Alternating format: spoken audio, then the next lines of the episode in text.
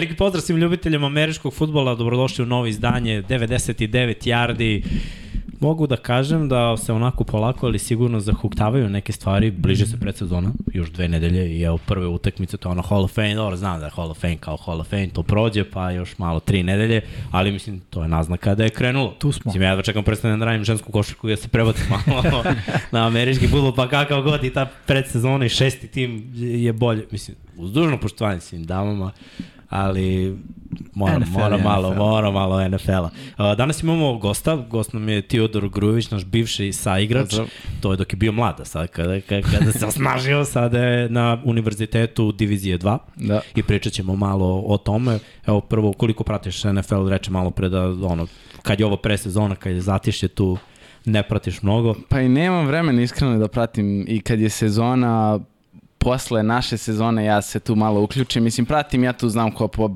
ko pobeđuje, šta se dešava, ali ne pratim nešto ono dublje dok se ne završi naša sezona. Posle sezone, ono, uključim se baš ono, ozbiljno u NFL i znam šta se dešava. Koliko ekipa na koleđu prati, mislim, ortaci koji igraju s tobom u timu, jesu zaluđeni?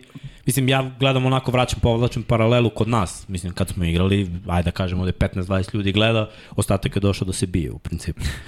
Kako je tamo? U, u suštini svi gledaju i ono pratimo i ti mi svi stvarno zajedno gledamo utakmice, ali dođe nekad, na primjer, utakmica, pa se vraćamo s nekog puta, pa se mi vraćamo u nedelju, pa ono, ni ne stignemo da gledamo utakmice. Ono, vratimo se u nedelju uveče, nismo, odegra, ono, nismo odegra, odeg, odgledali ni jednu utakmicu. Da, pa dobro. Zato Game Pass i prevotavanje, brata, ala sijao. Sijaš brutalno, znači da. pa light, majica kao, i boja. Pa kao light, da. Prvi put delujem svetlo por nekoga. pa kao, stvarno, više nikad neće ovaj eksperiment Nema da, da, da, da se izvede ovde. Malo Dobro, uh, ljudi, odmah da, vam, da vas pozdravim sve koji, koji pratite, petak je veče, lepo je vreme, verujem da ste negde gde vam je onako malo zanimljivije neko kod kuće pratiti naš podcast. Sada sve što je lepše vreme, sve više ljudi prati kasnije. Ali koliko vidimo, ovdje ima 50 ljudi trenutno online koji, koji prate live, like, subscribe, pa ajde malo da, da pokrenemo algoritam, što bi rekao Srki. Da. Uh, takođe pozivam sve da se subscribe-uju na naš kanal i takođe, ja, a on je prvi rekao da ugasimo da, zvuk na da, telefonu. Neverovatno. Znači, neverovatno. Evo. I ovaj, da, da se subscribe-ujete i da postanete naši o, članovi na YouTube. Naravno tu je i Patreon, ali pričat ćemo o tome sve kasnije. A, niko neće ostati isključen. A ajde malo da pričamo o vestima nekim koje se dešavaju. Ono što sam ja pročitao kao neka poslednja vest je da je Kyle Rudolph potpisao za Tampa Bay Buccaneers da. nakon ove odluke Gronkovskog da neće da igra. Mislim da je velika stvar jer uh, otišao je O.J. Howard i onako ostaje Cameron Braid, fali malo, mislim, Brady voli iskusne igrače, to kad si motorac, voliš da imaš iskusne Jest. igrače oko sebe, Gronk je imao vrhunsku sezonu prošle godine, ako nije igrao dosta utakmica, ima 800 yardi, propustio nekoliko meča, mislim za Starkelju, to je vrh statistika. Pogotovo pošto on pravi veliku razliku u njihovom run game-u. No. Pošto on je odličan blocking tight end. Da, isto kao i Kyle Rudolph, mislim, koji da. u Minnesota se dokazao kao red zone pretnja, i kao dobar blok. Da, mislim da on može da preuzme tu ulogu koju je Gronk imao prošle godine, koja nije bila ona opcija broj 1, definitivno, ali je bila uh, opcija u određenim situacijama, zavisno od game plana. Rudolf ima to iskustvo, kao što si rekao, Giants ima ono prošle godine, nije to bio taj uh, eksperiment uspešan, jer mislim, kada baca Danny Dimes. onda je pitanje šta hvatači mogu da pokažu, ali sad sa Bradyjem, da, mislim, deluje kao ono, na prvu loptu dobar potez. Kao što kažeš, Brady voli iskusne taj tendove, a i Brady voli generalno sa taj tendovima da napravi dobru konekciju. Mislim, uvek je imao ono, taj tenda, mislim, ok, uvek imao Gronka, ali ovaj, kad nije, ne samo Gronka, nego i drugi taj tendovi su bili pa da, pa prilično produktivni. ovaj uh, Ben, Ben kako se zove ovaj? Wallace. Uh, ben ne, Watson. Watson, da, da, Watson. Da, da. I, Wallace igra da, basket. Da, Wallace iz Detroit. Uh, s njim imao dobru konekciju, s Hernandezom imao dobru konekciju. Uvijek se našao neki, neki taj ten s kojim je bio okej. Bio čak i onaj uh, havajsko prezime Huluva, Nuvu, tako no, nešto, koji ima okej sezonu, da. da u New Englandu. Ma to je taj playbook in and out. Da od tight enda do, do sideline. Mada vidjet ćemo sad kako će biti. Sve samo dobro potpisivanje i za jednu i za drugu stranu. Rudolf ima priliku da uđe u play-off, nije često ulazio s Minnesota, Giantsima da ne pričam. Celu karijeru bukvalno je probao Minnesota do, do yes. prošle godine. I onda ovo je ono prava prilika, sad si ono, u posljednjim sezonama izvuci sve što imaš, daj 100% i da probaju da, da uzmu prsten, jer NFC, kao što smo rekli, manje više otvoren, šta glavni favoriti jesu Tampa i Ramsi. I da. Packersi. Pa, ne možeš da ih, uvijek, da ih otpišeš Pa ne mogu, ali da. oni su mi malo pali u drugi plan Istina, zbog situacije da. sa, sa hvatačem. Da. Uh, dobro, to je bila jedna od vesti, druga je da 49ersi su dozvolili uh, Garopolu da traži uh, trade, da mm -hmm. traži tim koji bi ga potpisao. Iskreno, sa svim ovim situacijama na pozicijama quarterbacka ja nemam predstavu gde bi on mogao da ode. Bukvalno ili da li je to neki eksperiment na, na godinu dana dalje i, i šta bi dobili 49ers za uzvrat. Ne znam ni šta traže, mislim Garopolo uh, će tek od avgusta moći da baca. Sumnjam da bilo ko može da ga ubaci odmah. Treba da naučiš ceo playbook, da naučiš ceo sistem, da se upoznaš, stvoriš hemiju sa igračima, a bacaš mesec dana i to bukvalno od predsezone da. do, do malo je vremena, po mom mišljenju, da. ne znam kako vi razmišljate. Ono što isto iskočila kao vest je da su Brownsi rekli da nisu zainteresovani za Garopola, definitivno. Ma da. Mislim, oni sad pune poziciju quarterbacka, imaju ih, ja mislim, četiri, čak i kad sad kad je Baker otišao, ali šta meni ima smisla za Garopola, da odu u ekipu koja ima mladog quarterbacka, gde bi on mogao da bude neka vrsta mentora, slash ono kao uh, takmičimo se ko će biti starter. Neko od koga se očekuje da bude starter, pa i sad ovu bombu. Jetsi. Ali oni idu rebuild, oni Tako? idu, oni idu rebuild. Yes. Oni su produžili flek. Pazi ovo, Giantsi. Da. Bi, da. Realno, Giantsi. Mislim, Danny ima poslednju sezonu, to je to. Da. Da. Ili će da pokida i da ostane quarterback da dobije ugovor, ili će da odigra loše i doviđenja. Znači vidimo ga u Njujorku. pa, pazi, može da se desi. Kad uzmeš u obzir kako su imali quarterback kao ono, da kažemo 2004. Eli Manning je ono play action quarterback koji nije imao najjaču ruku, nije bio najprecizniji, ali je imao nešto što ima i Jimmy G. Znači, Slažim to ti je ono, game manager kompletirat će ono intermediate rute te od nekih 10 do, do 25 yardi, tu je dobar.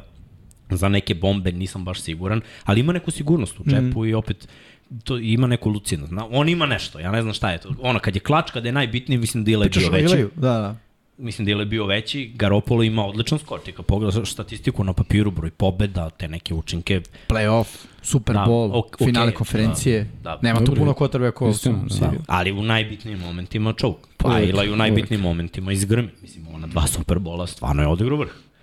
Neka njegova dodavanja su bila, da, dobio Brady. da, da. Da. da. Tako da ono, da, možda, znam? možda, nije, nije nemoguće. E, pala me napad možda i Detroit.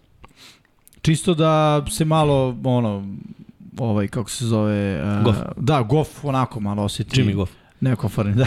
da se osjeti malo nekomforan, jer uh, realno ni on nije pokazao, mislim, puno. Uh, ali okay, uh, nisu očajni, onako. U pravu si, pitanje je šta traže 49ersi. Ne znam, ako traže neku drugu, treću rundu, mislim da to niko neće da. Mislim, mislim da je mnogo druga runda. Ali opet, s druge strane, kad pogledaš njegov CV, znaš ono, kad zažmuriš, Ima i kao one fore, kad te pitaju kao, znaš, kao ima čovek koji, ne znam, završio je sve škole, bla, bla, bla, bla, kao da li treba da živi ili ne, ti kažeš kao pa treba je kao super, postavi si Hitlera da živi. Na primjer. E sad tako isto za Jimmy G, kad bi zažmurao, kad bi te neko rekao, znaš, bio, to to, bio u ovoj ekipi, imao takve brojke, imao toliko pobjeda, došlo super bola, ovo ono, ko je to quarterback, znaš, zastao bi, onako, ne bi razmišljao Garopolu, razmišljao bi nekim drugim menima, onda bi ti rekli Jimmy G, kao i da čoveč, znaš.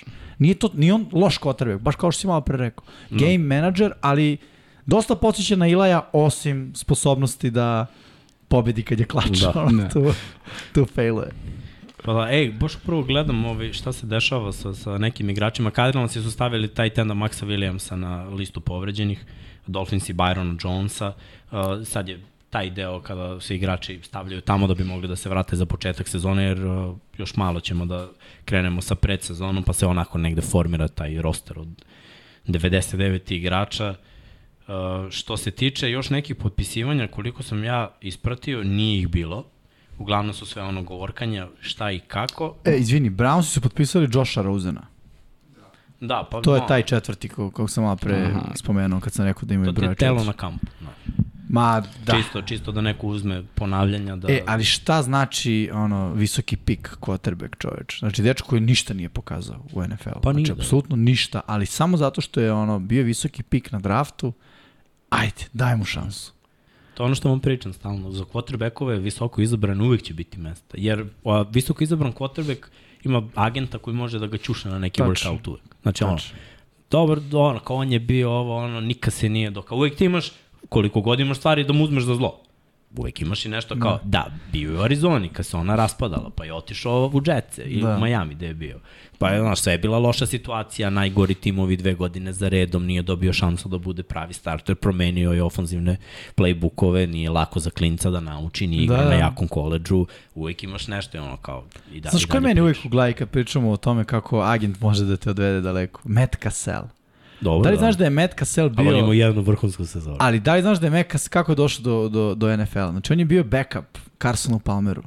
Pa se borio za startno mesto sa Mattom Leinartom i to izgubio. Znači on bukvalno na USC je imao vrlo malo snapova i dečko je draftovan samo zato što je se USC-a i zašto je rečeno, ej, ispred njega bio Carson Palmer, Heisman trofej osvajač, Matt Leinart, Heisman trofej osvajač, nije imao fair šansu. Ali USC, velika škola. Ajmo da ga draftujemo. Ono, sedi iza Brady-a, odigra par utakmica kad Brady ima onu skljakanu nogu. Dobro, dosta je da igra skoro Jeste, celu sezonu. Skoro celu sezonu, ali mislim par dobrih utakmica no. gde se kao pokazalo, ej, ovo može da bude. 11-5 te sezone. Da, da, da. I nisu ušli u play-off. Da, nisu ušli u play-off, tačno. I sledeće godine ode u Chiefs-e i kao tamo postane startni Kube i odjednom on je ono, Kube, Kube one, brate, u NFL-u. A nije taj kalibar, realno. Pa dobro, tako je završio. Da. Tako je završio karijeru. Ovaj, ajde dok, mislim, već pričamo o tim vestima, sad prelazimo na ovaj estetika deo. Kako vam se sviđaju nove kacige? Stis ja mislim o svojoj majici ću da pričaš. A? e, imaš jedno potpisivanje, imaš jedno potpisivanje koje nisi rekao. Koje? Kyler Murray produži ugovor. Oh, e, ali nisam vidio ni jedan uh, tačan podatak koliko para, samo sam vidio bonus da je dobio nekih 9. Ja mislim da oni još treba da odluče koliko će para biti u pitanju, da. ali da su ono zaključili da će da bude to extension i da će i dalje da, da ga zadrža. Na to već nekoliko dana, evo, baš malo pre sam čitao i kao 9,3 miliona ima kao off-season workout bonus.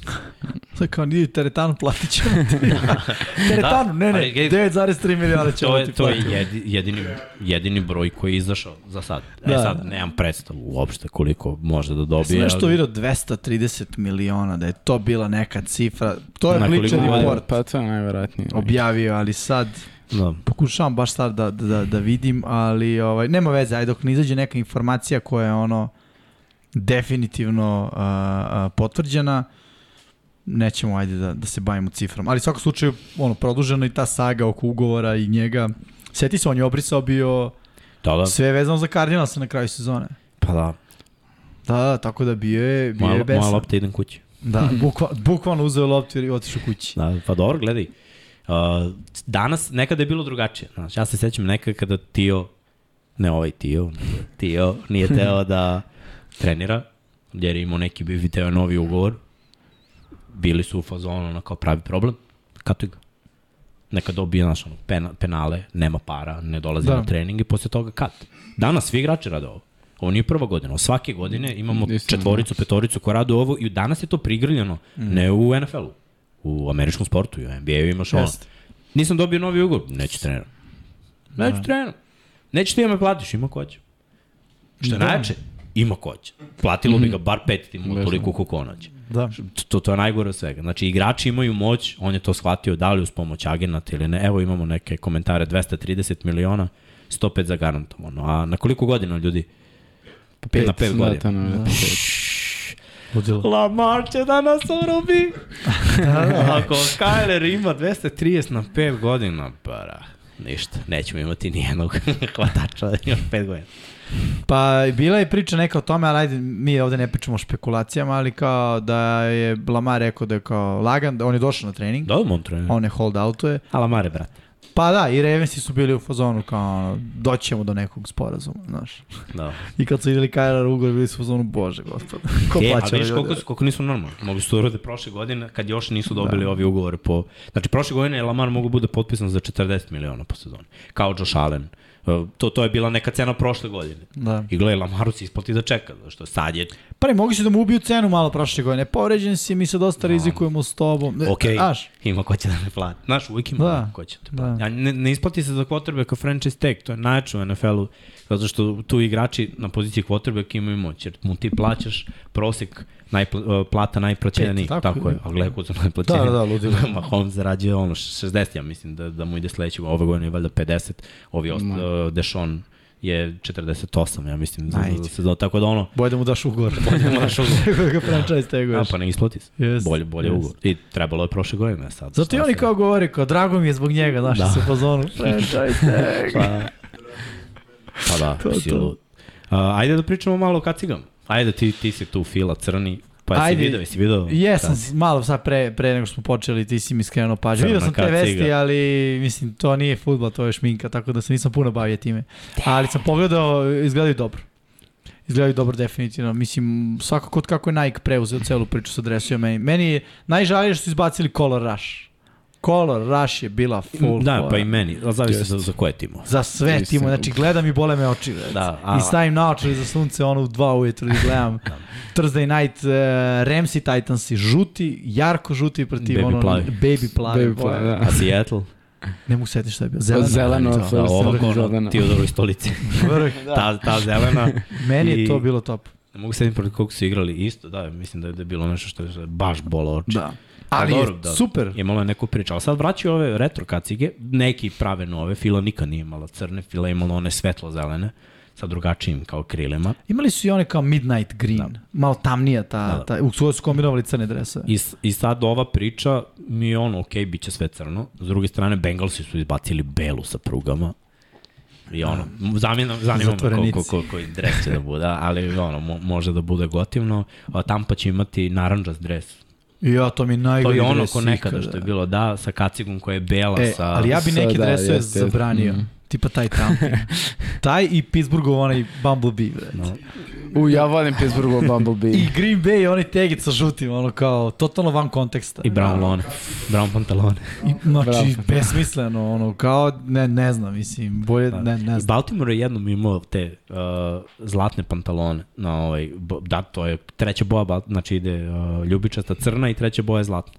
Brate, jednom su nosili, to, pazi, toliko da, toliko bilo komentara, ne, Ono, ne. Da, da više nikad, nikad, nikad Nis, nisam ne, vidio da... Ne očekuje ti oko da gledaš Baltimore nešto sija žuto. Da, zamislim, da. na ljubičaste, ono, da. zlatne lone.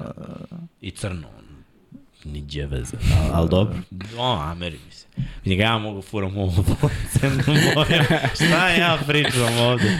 Evo, pa kao. Uh, ajde da odgovorimo na neka pitanja pre nego što krenemo u priču sa, sa Tijom.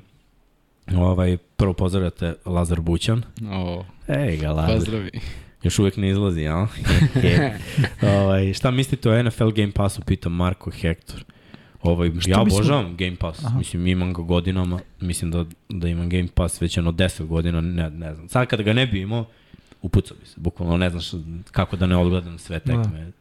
Meni ono, prijatelj daje Game Pass, pa znam šta je dobro. Da, u, čet, u, u, da, u, u 40, pa mi smo podelili svi živi. Pa zato, zato kažem nije miksa, miksa već da. deli onda, pa ne, ne, ima jedan limit to, znaš kao ne može, ceo grad. Pa verovatno je moglo u početku, ne mogu da se setim, ali da, pa, bili su po e, zonu. inače, znam da ima fora, kao ne znam li ovo legalno, mislim legalno je, kada biraš koju ćeš valuti da platiš, izabereš, izabereš brazilski real, ali moraš da imaš VPN iz Brazila i kada izabereš brazilski real, Slušaj da ovo, e, Game Pass košta fazom 100 dolara godišnje.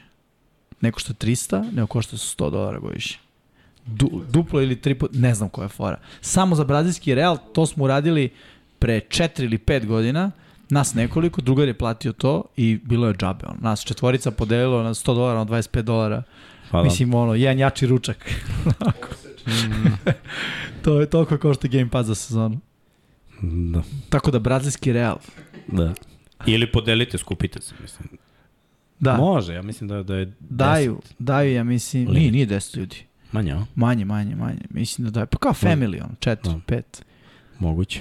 Tako da, tako znam. Pita nas Dejan Radonić da li smo nabavili karte za utakmice u Evropi. Naravno da ne. Da. Ali ja mogu da podelim moje iskustvo.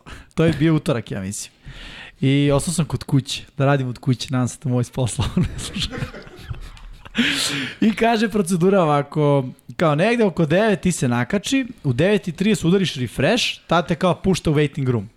I zavisno od toga koliko si brzo ušao u waiting room, on te stavlja u red i posle ti u 10.00 kada otvore waiting room saopšti 10 Ja sam u 9.30, bukvalno kako je udarilo 9.30, refresh stranicu, pojavilo mi se dugme da uđem u waiting room, kliknuo, ušao, znači to sve trebalo 25 sekundi i kad je došlo 10 sati, ušao sam u taj waiting room i onda mi je rekao da sam ja 200 67.000 ti. Moj drugar u isto vreme to radi, Alex. Kliknuo je, znači koliko je trebalo da kliknem ja, on, koliko njemu internet, sve, znači razlika je desetak sekundi. 600.000 600.070 i neki je bio u redu. Da, 400.000 da. ljudi između nas u roku od recimo 20 sekundi. I naravno nisam došao na red, on padavali su 50.000 karata. Da, da. Pa i bej, jedna, jedna je ovaj... Sve je prodato. Jedna je utakmica u Evropi u ovom delu da, da. nije Velika Britanija. Realno u Evropi, da. Velika Britanija. Pa da, da. Oni su odvojeni. Pa Brexit se desio. da, ostranici. ovaj, pazi, ja dalje pucam na... Isto na ovo, da, da, da dobijemo Isto. akreditaciju. Isto. Nema. Ali znaš šta je tu samo pravo? Neko mora ostane da radi prenos utakmice taj dan. Mm? Da. to ti kažu, znam da, ja, utakmica. znam da ja neću. A vi se smažite. Pa, ovaj, da. Što, imaš kartu? Šta? Ne. Nemam, ali znaš da radimo Bundesligu i samim tim možemo da uzmemo akreditaciju za stadion u Minhenu. A to misliš? Da, da. Pa ne, može da se uzme akreditacija i ovako, nego je poenta što ne može da dobije 7 ljudi koji radi NFL, svih 7 dobije pa akreditacija. Pa Neko pa mora ostane kući. Biće selekcija. da, biće bubanj. ja. I loto. Mislim, lutrija. Unutar šest ulici yeah. ono miksa. Da. I sedma dalje neko, ide, dalje ide. miksa. Yeah, Koji je s miksom, nema veze. Ne moramo više. Dobro, čekaj da imaš neko, da odgovorim na neko pitanje. Kad smo tu, kad će Vukovi da nose bele dresove, pita Lazar Bućan. Nosili smo već jednom. da. Dalje realno. Nekad smo to češće menjali. Pa jesmo, ali yes. sad je problem bio ove godine Uh, što su dve utakmice otkazane. Da. Dalje trebalo da igramo u beli dresovima. da. Nismo mogli da igramo u beli dresovima protiv ekipa koja nose bele dresove. Da, da. Imaju samo jednu garnituru. Tako da, to je bila najveća, najveća prepreka. Nekako proti Kragovica je guž da se nosi bordo dres. Da, to je kao bordo i proti crnih. Ovaj, I to je u suštini to, da. Pritiskali su igrači da se nosi beli. ali nosit će se beli dresovi. Da. da. Čak i na treningu bila super kombinacija. Neko došao u belom dresu i belim pantalonicama i bordo kacigom. Brutalno izgledalo. Tako da to je možda, možda opcija za sledeću godinu. Eto odgovor za Lazara Bućana. Lazara Bućana. Dobio si odgovor. Da. A, dobro, čekaj da vidimo još neko pitanje. Ja što se vesti tiče, ja nemam više ništa. Da, kaže Igor Ninić da je bio 370.000 ti u redu. Da, eto, bio sam ispred njega. Ali kaže, pustili su karte za stadion u Stuttgartu da se gleda na velikom ekranu. Kao ono, pun stadion i gledaš. Ne, to je super fora. Pa, realno. Mislim da su tako mogli da prodaju 15 stadiona u, u, u Evropi, pa, da. bez problema. A. Stvarno, bez ikakve problema. Ne, ne, pa svaki ne, ne, znam nego, mislim. 50.000 ljudi prima u proseku stadion u Evropi. Znači, A. ako, ako je Alex bio 600.000 neki, to je znači lagano 10 stadiona moglo se proda, možda čak i pa više stvari, 12, 12 da. 13, 660 nekih hiljada. 13 Tu što je bilo posle ljudi sigurno, tako da, da bilo je sigurno ljudi posle, to... tako je. To ono što mi ne znamo, neko ko je zaspao to jutro i uključio su deti četresi. Da. Dobro, tek je prošlo 10 minuta. ja, mogu bi NFL malo su ozbilje da da malo više utakmicu u Evropi. Da. Ali ajde da, da završamo taj deo, znači mm. ajde kao isprečili smo šta, šta je bilo. Uh, prva prisezon utakmice uh, prve nedelje avgusta, tako da do tada ćemo imati još podcasta pa ćemo da pričamo uh, o tome. A sada možemo da Srki pamti da posle 24 minuta završavamo priču, tako je, nema, postoje, postoje, postoje profesionalac. Vidi ima, ima liči na Meta Patrišu, ima, kac, ima da. kačket, ima olovčici iz držine. Da. da. I slušalice. I slušalice. Zovimo drugu akciju. da. O, samo nema prođeš. Samo nema prođeš ko Patriša. ajde, ajde da se, da, da se osvrnemo na, na naše gosta. Teodore, još jednom dobrodošao. Pričat ćemo malo o tvojoj futbolskoj priči. Jesi ispratio možda neki podcast pre, pre tebe da vidiš kako su momci govorili? I ja sam ispratio sam par podcasta, ono pogledao sam, nekad to ukačim, nikad nisam pogledao ceo podcast, ali ukačim tu ono nekad. Gasi po, ga. Šali se. Ajde, ajde pričamo o tome kako si još došao na ideju da, da treniraš američki futbol, pošto je baš ono velika razlika u, u našim godinama. Koliko, koliko beše, koji si ti godište? 99. Da. Ja sam... Ja sam trenirao odbojku kad sam bio mali imao sam tu neku, nekov period, nekih dve godine gde ništa nisam trenirao i ono, bilo mi je dosadno manje više, htio sam nešto da treniram i nikako nisam znao šta da treniram i uvijek sam bio dobar u futbolu, ovom našem običnom i htio sam to da treniram, ali majka mi nikako nije dala da treniram običan futbal i ja sam tu bio dobro. Sad razmišljam šta ću da igram, ono, kod nas košarka, ali nisam dovoljno ni, nisam ni volao toliko košarku, nisam ni visok. I bili smo, ono, jedan dan smo išli na put, bukvalno porodica kod bake i baš smo pričali ono, o tome šta bi mogao da treniram i moj stariji brat je bio u fazonu, a što ne treniraš američki futbol? I onda... Podaš za brata, tu je na kauču. Tu je, baš tako. uh, I ja, ono, nikad mi nije palo na pamet, nisam ni znao da postoje timovi. Ja stvarno nisam ništa znao, on je trenirao veslanje i on je video vas, najverovatnije ono kad je trčao šta god, video vi nosite opremu i onda mu je palo to na ideju i ja sam bio u fazonu što da ne. I kad sam došao kući, on mi isto bio u fazonu Vukovi, ono najbolji tim, što je ne bi tamo i ja sam ono našao na internetu i našao sam broj, u tom trenutku je Blaža bio trener i mi smo, moja majka je pozvala Blažu i on Koliko je... si imao godina tada? 13, uh, 14. 14. Uh, I u tom trenutku je Mike, u tom trenutku je bila, uh, kako smo mi to, a, šta je to bilo u tom trenutku? Nije ni kadetske, ispod kadetske je bilo. Uh, Youth, Youth smo zvali, samo da, smo youth, zvali Youth. Youth Liga, yes. Da, samo smo Youth zvali tu ligu I u tom trenutku smo mi igrali, to je one godine kad smo mi osvojili, to je bila ta 2013. I posle toga ja sam došao na prvi trening kad smo mi opet, kad ste vi opet otvorili. Ja se baš sećam ono tačnog datuma. 26. januar 2014. Kad sam došao na Adu da treniram, bio je ono sneg, već uveliko, vi ste trčali, mi smo sad tu ono, youth, ono, radili smo šta je bilo, backpedal, nik, nik, sećam se da nikad već upalo nisam dobio posle rađenja backpedala, pa što ono, novi pokret, nik, nikad nisi radio. I tako i ostalo... A jedno pitanje, jesi li znao o sportu pre nego što si došao? Ništa. Mislim, odakle ideja, Burazi ti je rekao kao ono, dođi na američki futbal, A što, koja je tvoja bila reakcija u smislu meni kao sam neko da kaže dođi na Karlinga i bio ček, Karling, šta je s tim? Pa mislim, znao sam ono, uh, osnovne, mislim osnovne stvari. Znao sam u principu št, kako se igra sve, ali nisam znao sad pravila i nisam nešto ni mnogo ulazio u to i rekao, ajde vidi, možda ono, možda mi se svidi, možda bude zabavno i stvarno bukvalno prvi trening sam nikad bolje nešto se nisam doživao u životu. I stvarno sam zavoleo futbol na, na prvom treningu. Bio da, sam tem želim da se bavim. Koliko doprinese malo ta timska energija? Mislim, znao si da ćeš na timski sport trenirao si mm -hmm. odbojku koji je timski sport, evo si futbol koji je timski sport, razmatrao si timske sportove, nisi yes. razmatrao individualno. I onda kad si došao koliko je ekipa uticala na to da ono, okej, okay, cool je ovde, znaš, do, dobra energija. Hoće pa da jeste, da iskreno, stvarno smo imali odličnu energiju te godine, pogotovo posle osvajanja, pošto su oni osvojili tu youth ligu, pa su svi ono bili srećni, pa je ono, stvarno ekipa je bila, mi smo ono, svi bili super međusobno i stvarno je ono mnogo doprinalo, ono, dobi ljudi, što da, ne, što da se ne pridružim njima i to je to. Kako ti je delovalo onda kada si posmatrao prvi tim, 2014. Mm -hmm. kad je krenuo, tad si bio mladi, mu si 15 godina, ali bilo je i pre igrača koji su se priključivali sa 17 u prvom timu treninzima, Vanja je bio uh, klinac koji je isto, Vanja Lugonja, ko, koji je mhm. počeo da trenira i ono, radio je treninge s nama. Jesi video možda ono, kao ok, ako napredujemo ovde, ako malo dam gas, ako pojačam, naučim bolje, moći ću da treniram s prvim timom. Jesi razmišljao u tom trenutku da odeš na kole. Bez sad, sad ono, preskačem, jer, da. pazi, ali mora da imaš neki cilj. Zašto si počeo da treniraš? Bilo ti je cool u početku, jesi shvatio u jednom trenutku ono, ej, pa mogu ja se bavim. Ja mogu da odem na koleđ, da steknem ono, obrazovanje dok igram ovaj sport koji ono sad počinjem.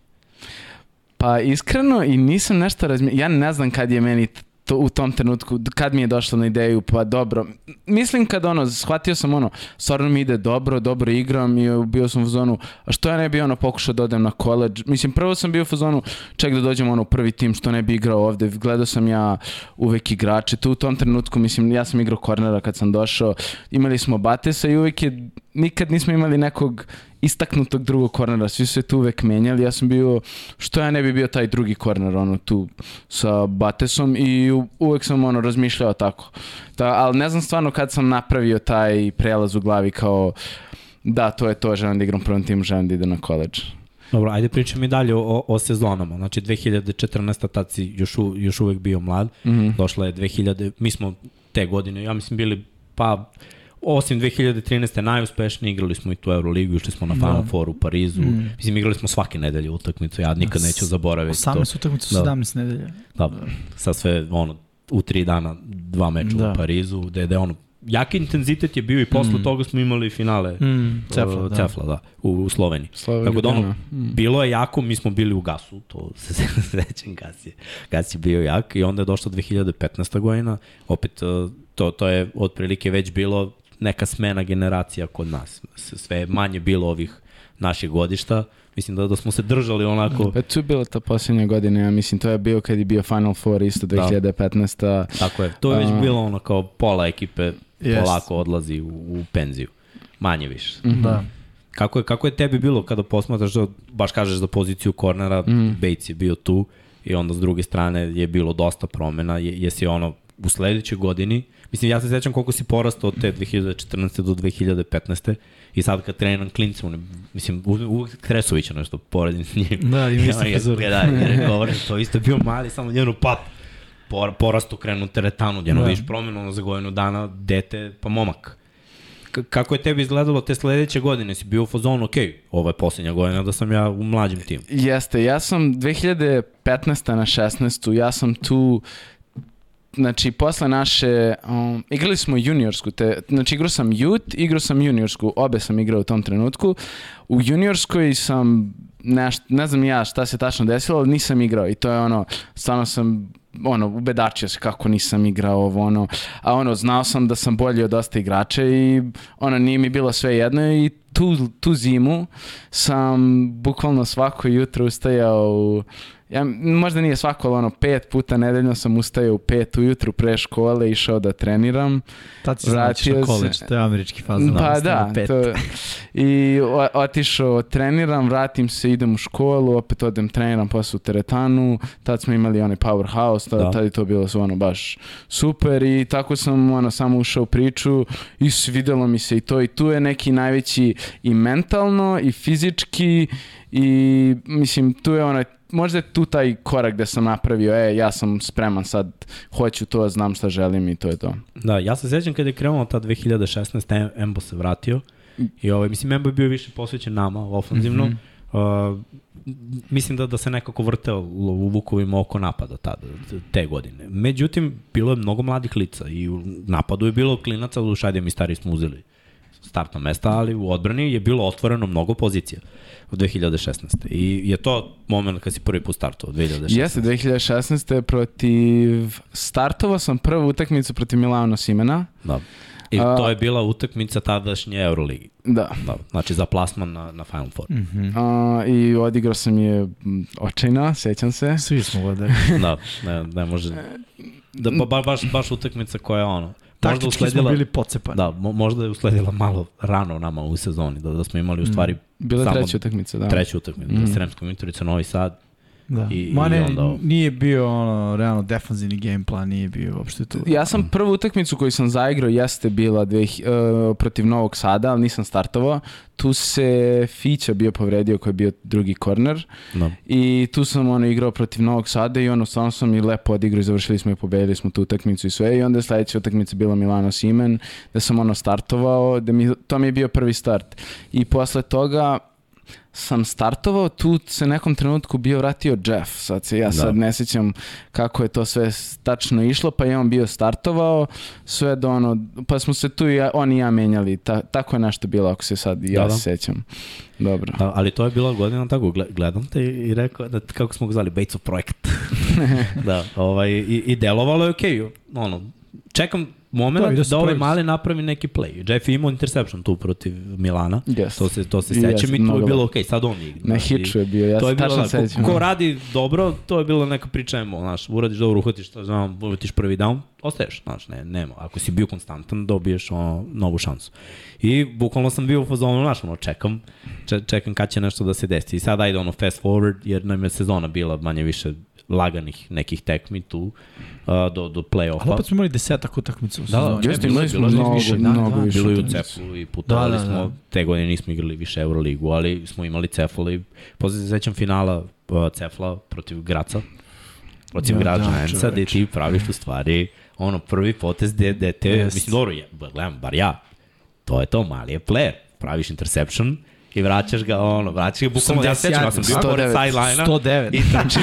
ti si bio tu, ti si bio pored mene safety, bio na fade. Ja sam na sideline-u i ono, gledam ga i trčim pored i vičem. Bio touchdown, jeste? Da, da, vratio je za touchdown. Touchdown, da. da. Bila je tekma, mislim, mi smo gubili u početku, Uh, Bilo je touchdown, ono, pa smo okrenuli. Da. Ja kad sam dao touchdown, ta smo poveli dva razlike. I kad sam ja vratio pick six, isto bio isto dva, dva razlike. razlike. Da, da. Znači, oni su se vraćali na jedan mi, i ti, si ih, ti se nas ponovo mm -hmm. digao na dva i tad je bilo u fazonu, ok, imamo drugog, drugog startnog kornera. Jesi bio tad u, u, u tom fazonu, ok, to je to, ovo je moj moment, sad, sad, sad, je, sad sam zacementirao, sad sam starter i, i sad koliko je u tom trenutku 2016. da već imaš 17 godina. Mm -hmm.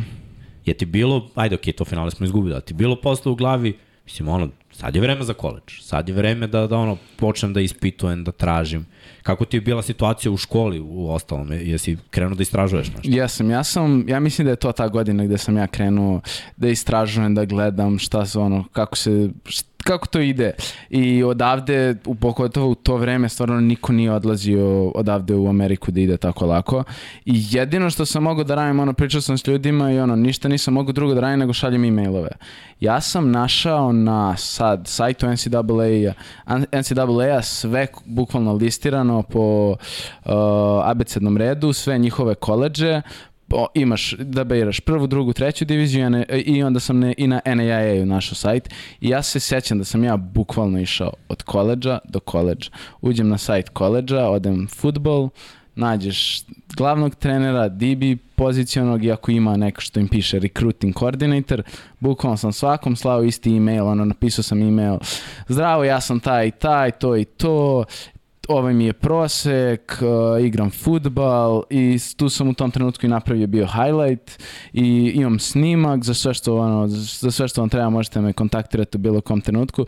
Ja sam i samo jedino što sam menjao na svakom je ime. Dir, pa da. kako god ime što da je sad pa menjaš. Dobro, imaš template. Pa, to je to. Da, da. I... Koliko si poslao mailova? Okvirno. Sve. Tipa 50, 100, o, 200. Više od hiljadu. Hiljadu. Koliko pa, si dobio Pa zato što svaki ima znaš, glavni trener, DB A ne, ne, nego misli koliko si, ono, sad mail staviš šest ljudi, to ne računamo kao šest mailova, to je jedan E, ja nisam to, moraš da svaki, na svakom staviš jedan mail, pošto moraš da promeniš ime da. na svakom mailu. Da li pošalješ... Ne, nego recimo mislim, ako ša, da li si slao, recimo, lupa sa treneru USC-a, Jesam. I da li u CC staviš ostale trenere USC ili svakom treneru USC? Ne, svakom ime. treneru USC-a promenim ime. Znači moraš sam svaki mail novi da praviš. Hiljadu mailova. I to, to, je, to sam uradio jednom i dobio sam uh, par, ono, dobiješ par odgovora ti. Ja sam... I kako na, su odgovori njihovi? Uh, bile su i takođe oni su imali kao na njihovom sajtu, postoji takođe na nekim većim fakultetima kao popuni ovaj formular za i onda ti piše kao koliki ti je bench, koliko ti je 40 yardi i ostale te stvari, ja sam i to popunjavao i ti uglavnom dobijaš ono neke na tome one automatske da. odgovore. Thank you for applying. Ali, znači, ja However. sam sve koleđe, prve, druge, treću nisam slao, znači prvu, drugu i NAIA sam poslao sve dva puta, sećam se okvirno. Od, svi, od svega toga što sam poslao, sam dobio jedno dobrih između 10 i 20 odgovora. Znači, ja sam u... kažemo 20 na 1000. No. To je 2%. 2%. I jako je toliko bilo ja sad. Da. Uh, uglavnom su bili ono, odgo čak su mi neki odgovori bili u fazonu, ono, sviđa mi se tvoj film, bla, bla, ne možemo te. Bukvalno su mi odgovarali što ono, nikad ne bi očekivao što bi mi uopšte odgovorio ako ne želiš da me, ono, da me rekrutuješ. Ja sam imao i u tom momentu ponudu kao uh, walk-on ponudu na San Diego univerzitet D1, mm -hmm. koju logično nisam imao ni približno para da platim. Uh, ali su bili u fazonu sviđa nam se tvoj film sve, a ono ne možemo ti damo ponudu zato što ne znamo kako igraš stvarno, možeš da dođeš na kamp ili možemo da ti damo vokon ponudu. U tom trenutku naravno nisam imao pare ni za kartu, ni za školu, ni za ništa i dobio sam isto odgovore iz nekih i još, ja sam u jednom trenutku sa Yale-om pričao, gde su oni mene pitali kao kakve su ti ocene. Ja ono, mislim, dobro su meni ocene, ali Yale... Što da ne? Yale, ma dobro, mislim, Yale stvarno, ono, moraš da budeš po ja našem 5-0. Pa igrali bi svi, ali ono, moraš da budeš 5-0, neke nagrade i svašta nešto. Tako da, uglavnom sam dobio te neke automatske odgovore ili neke odgovore u tom principu ili su mi bili u fazonu da li možeš, pošto oni imaju one njihove kampove, da li možeš da učestvuješ na našem kampu da ja u tom trenutku stvarno ništa ono nisam mogao da uradim po, povodom toga. Mislim, siguran sam da sam s jednim ili dva koleđa baš malo ozbiljnije pričao i kad sam bio ovde. Uh, bio je to neki D2 koleđ iz Kanade koji je igrao fazon NCAA drugu diviziju, pa sam ja tu nešto pričao s njim, ono baš ušao malo dublju konverzaciju, samo je odjednom ta konverzacija prestala i ne, ne sjećam se ja tačno šta je bilo i ono tu mislim u principu se ništa nije desilo, ja sam to sve slao, se ništa nije desilo. I Te ste pitamo pre što dođeš do, do finalnog momenta kako si došao do tvog univerziteta. Kakav je on emotivni roller coaster? Šalješ mailove, kapiram u početku entuzijazam do neba, sad će neko da mi odgovori, ono, prolaze da. dani. Nema odgovora, ili dobiješ automatski mail i ono. Šta se dešava u smislu, da li si jednom trenutku bio u fuzonu, to je to, neću ovo da radim, ovo je besmisleno. Pa sad i, i iskreno ti kažem, mislim ja sam 100% nekog trenutka bio u fazonu. Pošto ja bi došao ono posle škole ili posle teretane šta god, da god ja sam i samo sednem za komp i samo idem. Mislim u jednom trenutku ja pustim muziku i samo sam automatski bio dobro i zoveš se tako i samo prebacuješ ono imena, ali on, bio sam u jednom trenutku, zašto ja ovo radim, da će me niko da odgovori, ja rekao, aj možda mi neko odgovori, onako nemam šta da radim, bukvalno sam bio, ili ću igrati igrice ili mogu ovo da radim, što ne bi ovo radio, u to, bio, bukvalno sam bio u tom smislu. Tako je, momci koji klikćete tamo na neke slike na društvenim Dok slušate ovaj podcast i multitaskingujete, ono. I mislim, ja nisam dobio tu ni jedan odgovor i mislim, ja sam se s tim bio pomirio. I ja sam takođe bio i pričao sa trenerima i kad je Embo bio tu, ja sam bio pričao s njim dobro koje su šanse da odem, šta možeš da uradiš za mene, pošto on, on je bio na uh, CU, na Colorado University. Njegov brat, da, on je bio jedan možda asistenata u nekom trenutku, a njegov brat ja mislim baš u tom trenutku bio head coach Colorado Buffs. Znam da je, ne, ja mislim da u tom trenutku njegov coach bio taj trener San Francisco. Aha, znači da je onda otišao sa da, da, da, otišao ali ima veze sa Ali da, ima veze i onda sam ja pokušao da pričam s njim ali ono, mislim, to oni će svi da ti kažu, mislim, vi znate, oni će kao da, da, da, da, to je, mislim, ništa neće ti pomognu. Ja sam najozbiljniju priču imao sa Malikom, da sam ja stvarno trebao da odem na Džuko uh, u Kaliforniju, gde je škola koštala, mislim, ja sam pričao tu nešto, pošto je njegov a, ne znam šta mu dođe, bio tu glavni trener. A ispostavilo se kad je došao mali Joe da igra za nas one godine, to je njemu bio uncle, je bio head coach tog isto... Aha. Joe Ferguson, jel? Joe Ferguson, da.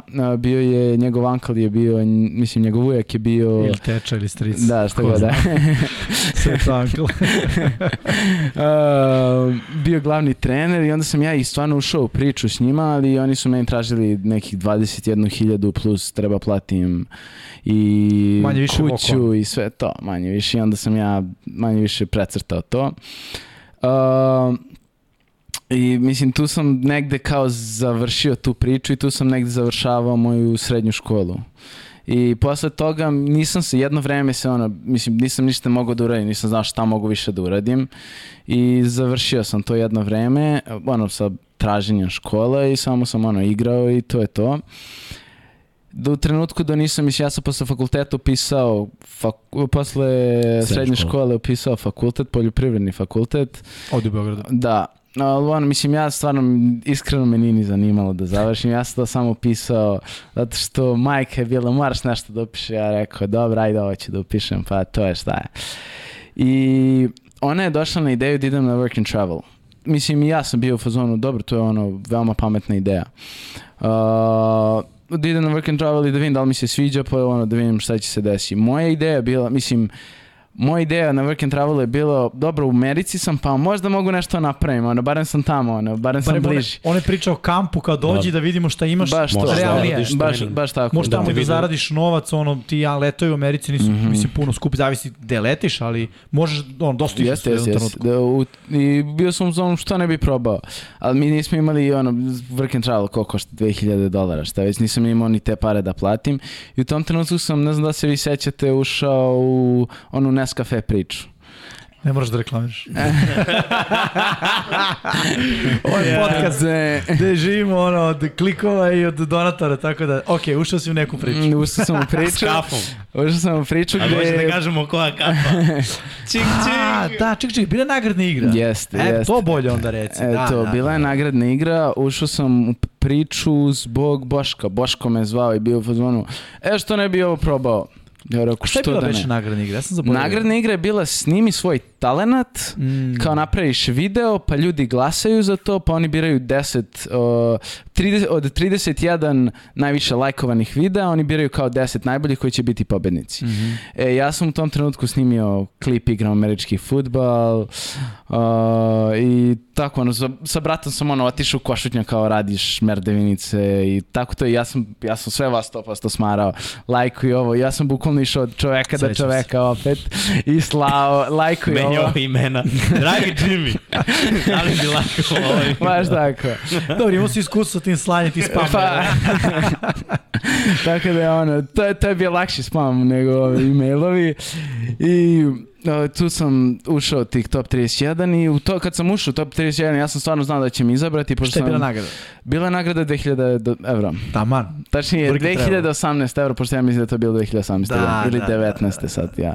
Mislim da je 18. Ja mislim da je bilo isto 18. 2018 i nagrada je bila dve- dve- 2018 evra. I ja sam s tim parama otišao na work and travel i kad sam došao tamo na work and travelu, ono, Ti ja sam isto reći jednu stvar. Ako odeš u NFL, hoće jednom biti sjajna priča. Da. Bolje od Tilenove, one 20 dolara za da plati da bude na kampu. uh, i... Da, work and Ne, travel. lag- lagano. I dobro, tu sam došao na work and travel. Gde si bio, mi stateu? Bio sam u Marylandu. Mhm. Um, zove se mesto Silver Spring, bio sam na nekih 30 minuta, a nije ni 30, s metrom je bilo na 15 minuta od DC-a.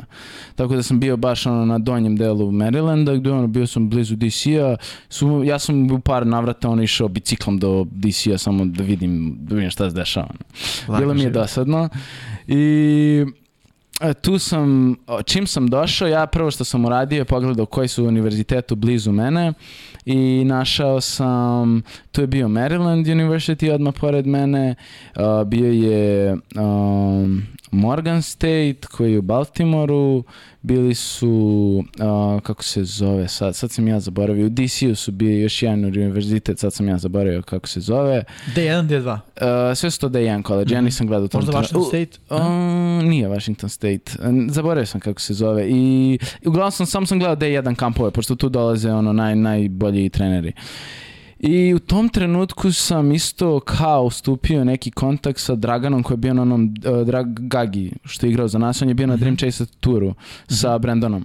Da sam ja okupio sto, kontakti sa Brandonom i sa ovo, ali ono, ništa se to nije desilo. Ali se je, I gledao sam te kampove i zavadio sam da su svi ti kampovi u Marylandu bili isti dan, manje više. Jedan ili dva dana neke razlike.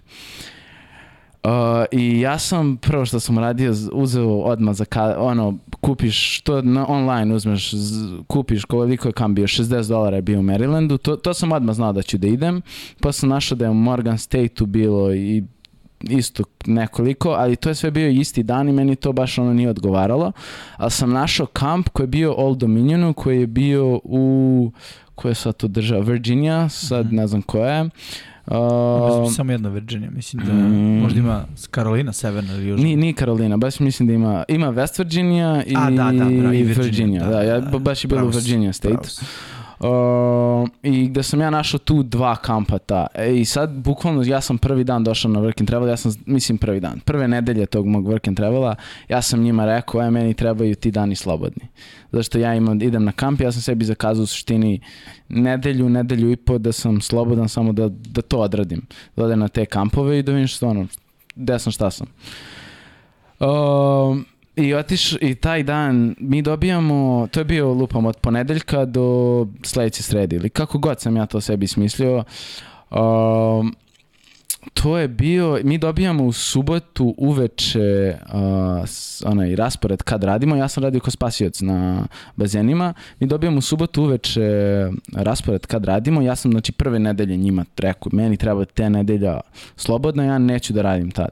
Ja dobijam uh, tu nedelju, bukvalno radim svaki dan. a nedelju oni ne rade, ja ne mogu nikog da zovem da im kažem ja ne radim. I ja kao zovem mog supervizora, kao on je bio i Srbin i kao ja, ono, ja sam tebi rekao da neću raditi te dane, ono, ja se ne pojavljujem.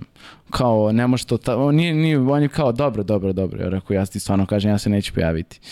I ponedeljak sam kao trebao da radim, ja se nisam pojavio gde su oni mene svi zvali. Ja sam samo ugasio telefon rekao, to je to. I posle sam otišao na taj, znači otišao sam na Maryland kamp gde sam ja došao tamo. Prvo, kampus, znači ja sam se izgubio. Ja idem tamo na kampusu i pitam ljude gde je, gde je stadion, gde je, ne znam. Ono, ljudi na kampusu, ja kao, kako ne znaš gde je stadion, ono, sad su mene zbunjali. I ne, nekako sam tu došao do tog stadiona. Znači, to što je kampus veliki ili zato što prosto ono, ako pa, mislim, ne zanima, ne mis, znam Mislim da je jedno i drugo. Mm -hmm. Ja stvarno, bio sam na nekoliko kampusa, na Marylandu je bio ubedljivo najveći kampus. Bukvalno ti treba auto da ideš po kampusu. Znaš ko je bio na Marylandu, a nije draftovan od strane Baltimora? Stefan, Stefan Diggs. Diggs. On je u jednom trenutku bio, kako se zove, snimao neke video snimke, ja sam njemu letao u DM, kao, pošto sam bio blizu, kao, kao, e, vrate, i tako nešto, nešto se odgovorio? Nije, naravno. Barem Pisinovo. ne sjećam Ti ljudi obično ni ne sinuju. Da, da istina. Um, I, I Maryland kamp. Da, i otišao sam na Maryland u tu kampu i stvarno bio je, znači došao sam tamo, oni mi ono kao pišu, bukvalno ono merete koliko si visok, koliko si težak, sve ti ono u, Dohvat, crevca, širinu ruke. Bukvalno u crevca de, i oni ono daju ti, dobio sam ja onako njihov kao compression shirt, sve dobiješ u suštini tamo i kacigu smo dobili, ono mereti glavu ko kaciga ti treba, sve samo za kamp. Ja sam iz, ne da je to samo kamp u suštini. I mi smo to bili nekom ono zatvorenom njihovom na terenu, šta god, i kad smo se sve skupili, kad god je to trebalo da krene. Svi samo, koliko ljudi bilo, recimo, na tom kampu? O, otprilike, ono, lupi između... 200, 200, 250. Stvarno, znači, bilo je... I to je kamp za sve pozicije? Da. Nije kao skill position. Da, sve, za, za sve pozicije. Mi smo, znači, kad smo izašli iz tog uh, indoor facility njihovog, otišli smo na te terene. Oni su imali četiri terena sa na, na ono, pravom travom koje nikad nisam igrao na boljem terenu. Plus su imali još jedan kao uh, još jedan teren sa veštačkom travom da vodu samo ono, za trening, manje više zavisi kako tu. Tu smo na tom veštačkom uh, terenu smo prvo radili kondiciju, gde su ono, bukvalno su ljudi, pogotovo Maryland je stvarno vruće u to vreme, gde su ljudi umirali bukvalno. Bukvalno su nas ono ubijali. A šta je kondicija? O, drilovi, stanice u suštini. Mm -hmm. Radili smo stanice, bile ono svake vrste stanice. Sad si ja tačno ne sjećam sve što je drill. Da, taj onaj, 55, pa ono krug, pa se ju, one osmice, pa se mm -hmm. jurite, ono. Samo su bili ono tako neki drillovi. Da, da su ono, ono, prvo su htjeli da nas ubiju, i onda posle su nas ubili, posle su nas podelili u pozicije, igraš ono, to je tu, to tu. I sad smo mi bili sa DB-evima, Uh, mislim, ja sam bio sa DB-evima i sad su, to smo radili neke ono klasične drillove, ono backpedal, backpedal to, to, to, klasične drillove, gde su oni jednom trenutku dvojili kao, dobro, ajde vidite s ovim trenerom, a vidite s ovim trenerom, u suštini bolji i gori. Ja sam stvarno bio s ovim boljim, uh, kako se zove, uh, DB-evima i da smo mi radili i ono nastavili da radimo te neke drillove i posle toga smo otišli i radili jedan na jedan gde sam veoma ono, solidno odigrao sad da mi je jedan, ono, igrao sam a tu na tim jedan na jedan je tamo bukvalno ono tuča manje više ko će dođe da, da uzme rep. Bukvalno se ljudi svađaju, uh, ono, mislim... Koliko je recimo ta manja grupa kad su vas podelili, koliko je tu bilo ljudi? Bilo nas je, ako se dobro sećam, 8 ili 9. Mm -hmm. Dobro, nije grupa recimo 20 nije, ljudi. Nije, nije, da. nije, nije. Stvarno, stvarno, su nas, stvarno su nas bili suzili. Mm -hmm. I Ja mislim da su svi bili korneri, sad, ali mislim da, mislim da jesu svi bili korneri, znači osam kornera je bilo i sad smo mi igrali tu jedan na jedan, gde ono, bio sam, ok, mislim, A reci mi sad, bilo... znaš što me zanima, onaj moment staješ preko puta hvatača i u glavi ti je ono, ej, ja igram protiv Amerikanca. No, da li ću da vidim nešto što nikad nisam vidio u životu? Ili igram protiv nekog ko vratno da. ovo igra od svoje e, mogu znamo da ti kažem, jedan na jedan smo rokali jako, igrao je protiv Tonija. Da, ne, istina, istina. To ali znaš ono, ovde si kao tu i ono, ovo je ono, one shot. znaš. Ja sam, evo, baš ovo što Miksa kaže, meni je, jeste, u pravu si, ali meni u tom trenutku bio fazonu, dobro, ja igram sa ljudima koji svi završavaju srednju školu, ja sam igrao sa odraslim ljudima, igrao sam sa ljudima koji su u tom trenutku igrali smo ono sa divizija 1 ono Da, da. dobrim igračima, odličnim Završili igračima. diviziju Da, jedan. znači, Bili na ono, njoj, došli u Evropu i igraju. igraju. Da, da. Tako da bio sam u fazonu, ne, ne verujem da ću vidjeti nešto mnogo drugačije. Samo jedino što sam zavalio jesu brži što svi kažu, ali to i nije toliko neka ogromna razlika. U trenutku ja kad sam bio tamo u Marylandu, ja sam dosta smršao bio, zašto i nisam se hranio lepo i šta god, i valjda i stres, ne znam, ja ono, dođeš tamo, pa sam se i ubrzo manje više, ja, ja sam u tom trenutku, ja mislim, baš bio mršav. Ja sam, mislim, imao, slagaću vas, ali nekih 66 Uh. kila. Baš Uh. sam bio mršav. Baš sam ono, baš sam Koliko ono, sad imaš, recimo? 82. Znači, ono, 15 kila kasnije. Da. um, tako da sam se i ubrzio i onda stvarno mi nije bilo ni problem ni da nije mi uopšte baš ono lep je bio kamp jedino Sad, što- koliko si imao, izvini, jedan na jedan situacija. mislim da je bilo mislim da sam imao 3 ili 4 Znači, nije kao da imaš Ne, sad ti tu ne. 10, pa kao... 3 ili 4 Znači, imaš 3, 4, eventualno jednu možda failuješ, 3, 3, treba 4, pokažeš. ja mislim da sam imao 3 na korneru, jednom sam bio u fazonu za jebim ovog idem na safety-a. Bukvalno sam bio samo da dobijem rep. Bukvalno se ljudi tuku za rep, ono, svađaju se, bukvalno ono, dva crnca se svađaju na, na ono, sidelineu, a treći ulazi ono da igra dok se ovi svađaju. Bukvalno je tako, bukvalno ono, stvarno katastrofa. I Uh, tu se završio ka, ono, igrali smo to onda smo igrali, ja, tim smo igrali, ne tim, uh, 7 na 7. Mhm.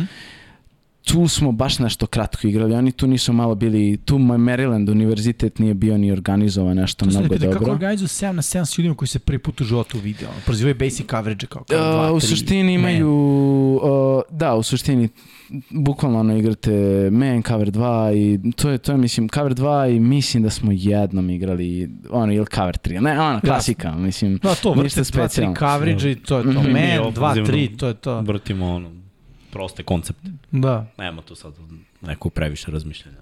Da, ja sam zaboravio, tu smo imali naravno u tom indoor facility smo svi ono uh, vertical jump, 40 yardi, sve te one gluposti gde su nam ono sve Mhm. merili, ono na, la, bukvalno laserski je bilo sve, tako da je to stvarno bilo Koliko se trči 4 Ozbiljno. serdi? a, Sećaš? 4 8 4. Pratio. Pratio. A, I tako da Prekinuo sam te, da. Znači, odradili ste Da, timski 7 na 7. timski 7 na 7 i tu se u suštini završio cela ta, mislim, kamp, tu je taj glavni trener održao govor, šta već i sad, sad, sad mislim, sad sam stari i sad znam kako ste funkcioniše, ali u suštini posle tog kampa tu na kampu nisu samo treneri Marylanda, tu na kampu su treneri iz cele Amerike u suštini. Jasno. Mi smo, ono, sećam se ja, ono, dok sam igrao, ja sam pričao sa SMU uh, trenerom i baš sam ono pričao, bio s njim na sideline, ono, dok sam čekao sledeći rep ili šta već, ono, pro, ono, prozborio sam, bla, bla, ono, par le reči, ono, šta već, kao, dobro, treba si ovo da uradiš, ono, i pokušavaju, ono, i da te nauče i sve. Imaju taj kao coaching input. Nisu kao samo ćute i gledaju, nego ti malo i kažu. Zavisi od, ono, Mhm. od čoveka do čoveka, ali u suštini, da, imaju ono malo, hoće da te nauče da ti kažu šta da radiš. Samo što ja posle tog kampa, što sad znam, bi treba, trebao sam da odem bukvalno svakom treneru, ćao, ja sam taj i taj, to i to, ja stvarno želim da igram, samo što ja u tom trenutku to nisam znao, ja sam se bukvalno ono, gledao sam levo desno, manje više pokupio i otišao. Ono kao, dobro, valjda je to to, ono, ne znam, ono kao imaju sve moje, koliko sam skočio, koliko sam trčao, kao, kao, e, to. A, a, Zovem ti jedan dan break. I onda je tu, tu sam, tu sam završio taj kamp i onda je meni sledeći kamp koji sam ja našao bio u Old Dominionu. Gde sam se ja trebao da se nađem... Izvini, to se dešava iste nedelje, jel? Da, sve to iste nedelje. Znači, ozbiljan napor za tebe fizički. U Jeste. Koliko kampova si te nedelje obišao?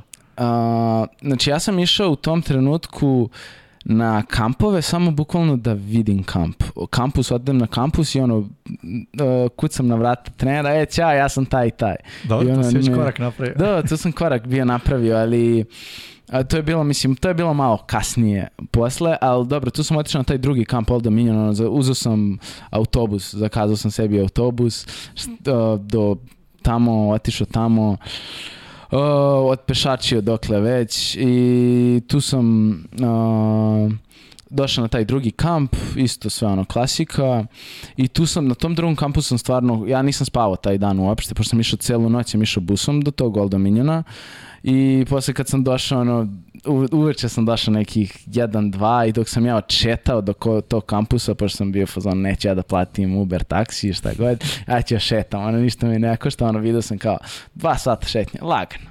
Ili šta je nešto bilo i ja otišao sam lagano tamo do kampusa, a i tamo ni da vidim grad, manje više, doduše nema ništa se vidi, ali... Uh, otišao sam tamo i čekao taj kamp ujutru da se otvori, kad se otvorio otišao sam na... Ček, ti si dva sata noću no. Da, da, da. Čovječ. Se radite nekada razmišljati? to, to, to sam radio ovde, ali tamo, tamo to nije bezbedno. Ja bar mislim. Ne znam koje je tvoje mišljenje doživlje, mislim duže si nego što sam da, bio u Americi, ali... Zavisi od kraja do kraja manje da li bi sad to uradio opet? Bi. Okej. Okay. Ja sam, u Meri, ja sam u Marylandu, ne u Marylandu, Baltimoru. Znaš šta je Maryland? Baltimore. U Baltimoru sam bukvalno bilo je nekih 1-2 uveče sam prolazio i bio baš ono američki hud, pogotovo u Baltimore, ono, mm -hmm.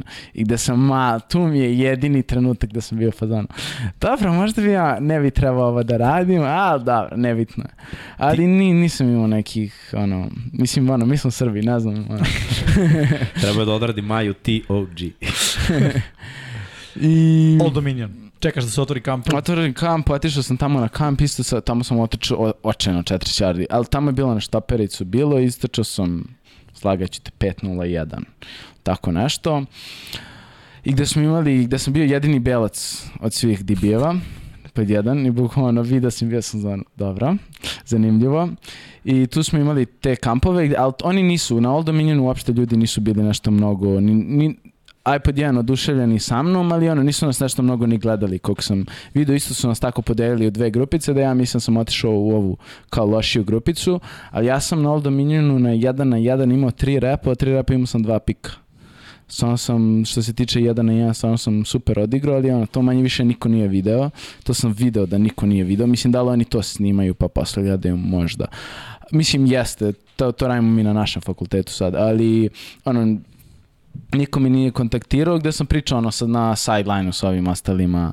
Isto kao dobro svaka čast. Bukvalno je, oni na Old Dominionu je bio jedan lik koga su ono svi ono bukvalno je došao i svi su znali da hoće da ga potpišu pošto on ima brda ponuda i baš sam s njim bio pričao. Kad sam bio ja mislim comeback je bio ja sam baš ono pročitao comeback i lagano uzeo pik i on, on mi je bukvalno rekao u fazonu kao svaka čast odlično. Da sam bio fazon. Tu, ono, tu sam već znao, ono, mogu lako da se snosim sa bilo kojim Amerikancima, bili D1, D2, ono, nebitno, samo treba sad neko da mi pruži šansu u tom trenutku. To, tu sam ono znao da ja mogu da se takmičim s njima. Moram samo da te prekinu, to su dobre vesti. Mislim, za ljude s ovih prostora, realno. I, mislim, ja, ja znam koliko si ti radio i ti, za tebe nije trening bio dođem na trening ti si radio mnogo više, ono, ja, ja sam nekad ono govorio i dalje govorim to igračima, ako nama trening počne u 9, traje do 11, ono, nije bitno šta radiš od 9 do 11, bitno šta radiš od 11 do 9, to je tvoje slobodno vreme koje ti biraš kako ćeš, ja znam da si ti baš dosta radio, mislim, nisi bio neko ko je trošio 5 sati nedeljno na futbol, nego mnogo, ono, možda mm. dnevno 5 sati si trošio na futbol, mm. možda i više. Ali to su super vesti. Hoću da kažem da je ovo odlična poruka za sve, da je moguće. Jeste.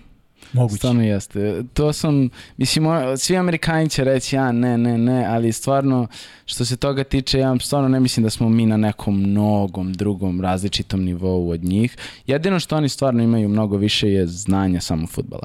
Svaki, svaki igrač u mom timu sada, ja sam siguran da zna više futbola od svakog, i naš, svakog igrača sada koji igra u Vukovima. Mislim, to je jedno. Zato što, mislim, oni od kad su, ono, od kad su bebe, oni su u to uključeni, stvarno znaju. Plus što na koleđu i u, i u srednjoj školi, ono, stvarno ih stalno imaju futbal, ono, to, to, to, bukvalno dišu futbal manje više. Mm. Kako, kao što mi kao dišemo običan futbal, oni dišu, mislim, taj futbal. Uh, I na Aldominiju sam imao dobar kamp, ali isto, kad sam završio, nisam ni pričao nešto, ni sa kim ništa i ono, manje više sam se pokupio i tu sam razgledao grad šta već i otišao sam kući, posle toga, pošto, jel te, nisam došao na pasao nedelju, nedelju i po, sam, ono, no, spričao i sa svima, ja sam njima lepo rekao, ja sam vama rekao, ono, o, neću, ono, da ću da ne budem te nedelje tu, vi ste meni rekli da ću da radim, ja sam vama i rekao i dalje da se neće pojaviti te dane. Mislim, oni su našli tu zamenu, šta već, logično, ali ono, prvi dan im je naravno bio problem, posle su našli zamenu, ali ono, ja sam njima, oni su meni kao, ne smeš to da radiš, ja rekao, znam, ali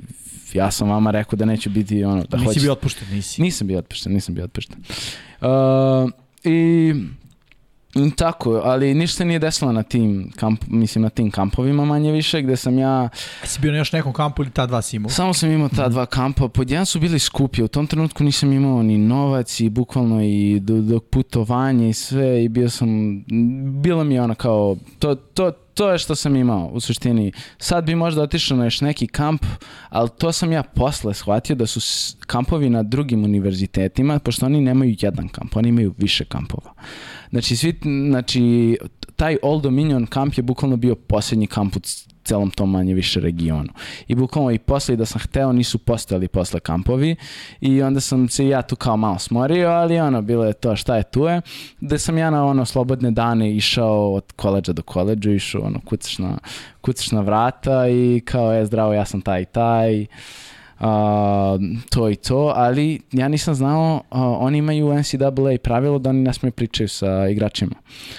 Um, što, mislim, mi nije me nešto mnogo pogodilo, sem na jednom, uh, otišao sam na Thousand, gde je bio tamo bukvalno kampus i otišao sam, nekako sam ja ono šetao po kampusu, tamo po njihovom uh, facility za futbal i završio u kod trenera ja kao zdravo kao hoću pričam sa glavnim trenerom i tu neki lik mi kaže kao pa ne može da priča ja nisam ni znao to pravilo kao NCAA ne dozvoljuje. Ja kao a dobro.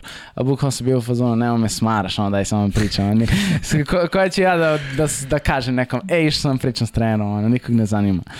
Ali tako i ono što sam šetao po kampusu ja sam ne, po tom facility ja sam nekako završio na njihovom terenu. Bukvalno sam izašao iz nekih vrata i bukvalno završio na njihovom stadionu. Ja ovako gledam i levo i desno i kao dobro i tu sam malo prošetao i čujem neku muziku ja i ja idem kod toj muzici i ja upadnem u njihov locker Znao sam, muzika kao stadion mora biti to. Ne? I upadnem ja u njihov locker i Uh, I ono, logično svi me gledaju kao šta se dešava sad. I prilazi mi neki čovjek i kao, ko si ti? Ja rekao, taj taj, želim pričati s glavnim trenerom. Kao, dobro reći, kao, ja sam glavni trener. Ja rekao, strava. I ja sam krenuo tu nešto bio da pričam s njim i mi se penjemo, sad kao, ajde sa mnom do, do, do kao moje... To ima se dokira si ti prišao njemu. znaš, mo, možda čak bi neko rekao i došao on ucenjivo ga. Rekao je, znaš, moraš. I otišli krenuli smo ka tom um, njegovom ovom bre kancelariji i to. I i bukvalno bukvalno smo trebali i video sam i ono video sam čovjek se pod jedan zbunio a pod jedan to je jedini trener s kojim sam pričao do sad ono video sam da je stvarno da ga je zanimalo i da se interesovao i stvarno je ono ono zanimalo ga šta se dešava i njemu nije bilo jasno pretpostavljam i bukvalno se penjem i treba, bukvalno ono otključava svoju kancelariju da uđem unutra i izlazi ovaj trener što sam pričao kao s njim, kao e, ne, kao, e, ja sam kao već pričao s njim, ovo, ono, nešto je krenuo tu da lupeta, kao i sad se opet glavni trener zbunio, kao, ne, ono, stvarno nije znao šta se dešava i kao, ja, pa dobro, pošto je rekao kao da nisam uopšte ni student na, na Thousandtu ni ništa, on kao, pa dobro, pa stvarno ne mogu da pričam s tobom i on se, ono, ništa se tu opet nije desilo, ja sam tu, ono, išao na par nekih, išao sam na Morgan State, išao sam na D2 Bowie State, išao sam, bukvalno, ono, kancelaraju kao popričaš sa njima, ali to je manje više ništa, oni kao da, da, pozvaćemo te, ostavi mi film, ali njih ne zanima to ništa. Uh, I u jednom trenutku sam, ono, bio fazon, dobro, nemam da šta radim, uradio sam šta sam mogao, idem gajbi. I tu sam radio jedno dosta dugo vreme i tu me opet zakoškalo, bio u fazonu, šta ne bi opet e-mailove slao, nemam ništa izgubim. Ako nisam, ono, radio sam... Bukval... Aj, dobar sam u tome, sad, sad će već lakše da bude, ono, već treći put šaljem, sad sam već ušao što I krenuo sam šaljem e-mailove i samo sam jedinu rečenicu koju sam promijenio, je, sad sam u Americi, ako treba mogu da dođe na kampus. Što je realno velika stvar za da. njih. Uh, Jer su te mnogi zvali da dođeš. Da, da ako si dobio desetak odgovora koji su ti, kad si bio ovde, rekli, ej, dođi na, na ono, kamp, tryout, da. šta god, I, tamo je još lakše. I tako sam ja od uh, odgovora, tu sam prvi put tu sam ozbiljno odgovor. Tu sam dobio i veliku, veliki broj odgovora. Da sam ja pa ono i pričao sa trenerima i to i oni kao možeš tu da dođeš, ali bi morao, pošto u tom trenutku nisu bili official visits, morao sam sam da platim uh, kako zove, let i sve sam morao sam da platim i smeštaj. Pošto kad imaš official visit, oni tebe bukvalno platiti let, platiti smeštaj za tebe i tvoju porodicu i ono, stvarno ti naprave i doga i ugođa i doživlja i sve. A šta treba za official visit? Tipa njihova zainteresovanost? Ne, samo treba, ne, samo treba da bude u pravo vreme. Ovo je bilo u, za vreme leta, ali u suštini njihova zainteresovanost, da. To, to, to. Moraju biti mm. zainteresovani za film koji si ti poslao da kaže, ok, ima smisla. Da. Uh, I da je meni odgovorio trener sad iz Minot State-a bio u fazonu, s njim sam jedino s kojim, mislim, pričao sam ja s dosta ljudi, ali sam stvarno video ono, stvarno, ja njemu pošaljem mail, on meni odgovori posle 20 minuta, gde ja njemu opet odgovorim. Ono, stvarno sam imao neku konverzaciju koja je bila tečna, koja nije stvarno, ono, nijednom trenutku. Imao sam ja konverzacije, pa mu odgovorim, pa mi ne odgovori tri dana, pa kao aj dođi, pa rekao, dobro, sad gde treba da dođem, gde ću biti smešten, da li treba sve to sam da uradim, pa onda ne dobijem odgovor i tako, ono, svake nekakve čudne konverzacije gde sam stvarno s njim imao s njim, ja mislim još jednim fakultetom sam imao stvarno ono ozbiljne ono razgovore i gde on mi, meni bio u fazonu ja stvarno želim da ti ono ponudim školarinu, ali bi stvarno želeo da dođeš da vidiš kakav si na kampusu i da dođeš na kampus i da vidim. Ja rekao dobro, to je sad Minor State. A rekao sam, Koja je to država? Severna Dakota da sam ja pričao s njim i kao fazonu, i on mi je napisao, znači ne možemo da te stavimo u smeštaj, ne možemo da ti led da ti platimo, ništa ne možemo da ti platimo, zato što nije u normalno vreme. On mi je napisao ima jedan uh, košarkaš na Minot State-u, Srbin, ono, ako hoćeš, kon kontaktiraj ga. Ono, samo mi je rekao to, ja sam ušao na roster Minot State basketball, našao, našao sam ga na Facebooku, i ne na Facebook, na Instagramu, ili da sam ga već našao i posle sam bio poruku, e, čao, bla, bla, bla. Uh, I on mi ono odgovorio, on je sav bio presrećan, Aleksa, pozdrav za Aleksu, uh, presrećan je bio, uh, bio kao da, da, da, možda dođeš kod mene, možda ostaneš koliko god hoćeš dana, uh, bla, bla, bla, kao, i ja sad sam ga ja tu pitao kakav je fakultet, šta, pošto ono, mislim imaš priča, ono, pričati ljudi, ali kad neko tu stvarno na mhm. fakultetu, stvarno je druga priča. Uh, Uh, I on mi je ono stvarno i pohvalio fakultet sve, ono, bio u fazonu, ja sam bio u fazonu dobro, ja sam ono, dolazim na, dolazim na vizit 100%. I otišao sam tamo. Kako si išao? Si leteo? Si... Leteo sam. To, mhm. znači ja sam u Marylandu... To, koliko je to od state-ova daleko od Marylanda? Pa jedno, poprilično, pošto je Maryland na istočnoj obali, a ovo je u suštini u centralnoj i severnom delu Amerike. Uh, I tu sam uzeo, ono, zakazao sam sebi let, kad sam leteo, ja sam malo, mislim, specijalan, a ja nisam poneo, zato što nisam, razmišljao sam, idem, šta idem iz state to state, na trajem pasoš. Uf. Prvi kad si stranac u nekoj zemlji, uvijek ali okej. Okay. Um, I bio sam za ono, nisam ponao pasoš sa sobom i ja dolazim tamo na gate, ono, na gate da se kao, dobar dan, kao da je pasoš, ja kao, pa idem ono iz, ono iz Amerika u Ameriku, šta će im pasoš? I on kao, pa treba ti pa, ja rekao, oh. I onda sad kao imaš neki dokument sa sobom, ja sad gledam, imam srpsku ličnu kartu. ja sam bio fazon, imam srpsku ličnu kartu, naša srpska lična karta na Čirilici, ja im dajem, kao, Pa i on gleda onako, ništa mu nije jasno, pa kao ne mogu, on, ne mogu ni da pročitam ovo ništa. Bukvalno, ja sam rekao dobro, ono imam ovu, kako se zove, karticu iz banke bukvalno sam bio u fazonu to, on je kao ne, ne, ne, mora nešto i bio sam u fazonu dobro, dobro, imao sam social security iz razloga moraš da izvodiš social mhm. security kad si na, ti si bio na work and da. travel, znaš, moraš da izvodiš social security kad ideš na work and travel. I ja sam bio u fazonu, jedino što mogu da vam dam, imao sam sa sobom kopiju, ja mislim, ili sam imao baš social security, bio sam da imam to. Ako jedino to mogu, oni kao, dobro, kao, ajde sačekajte i ono, bukvalno su me ono, skinuli od glave do pete, ono, smarali su me baš, baš, baš. Ali su te pustili? A su me pustili i pustili su me da letim ja sam leteo, znači iz Marylanda, mislim da je bio Maryland, Minnesota, Minnesota, Minot.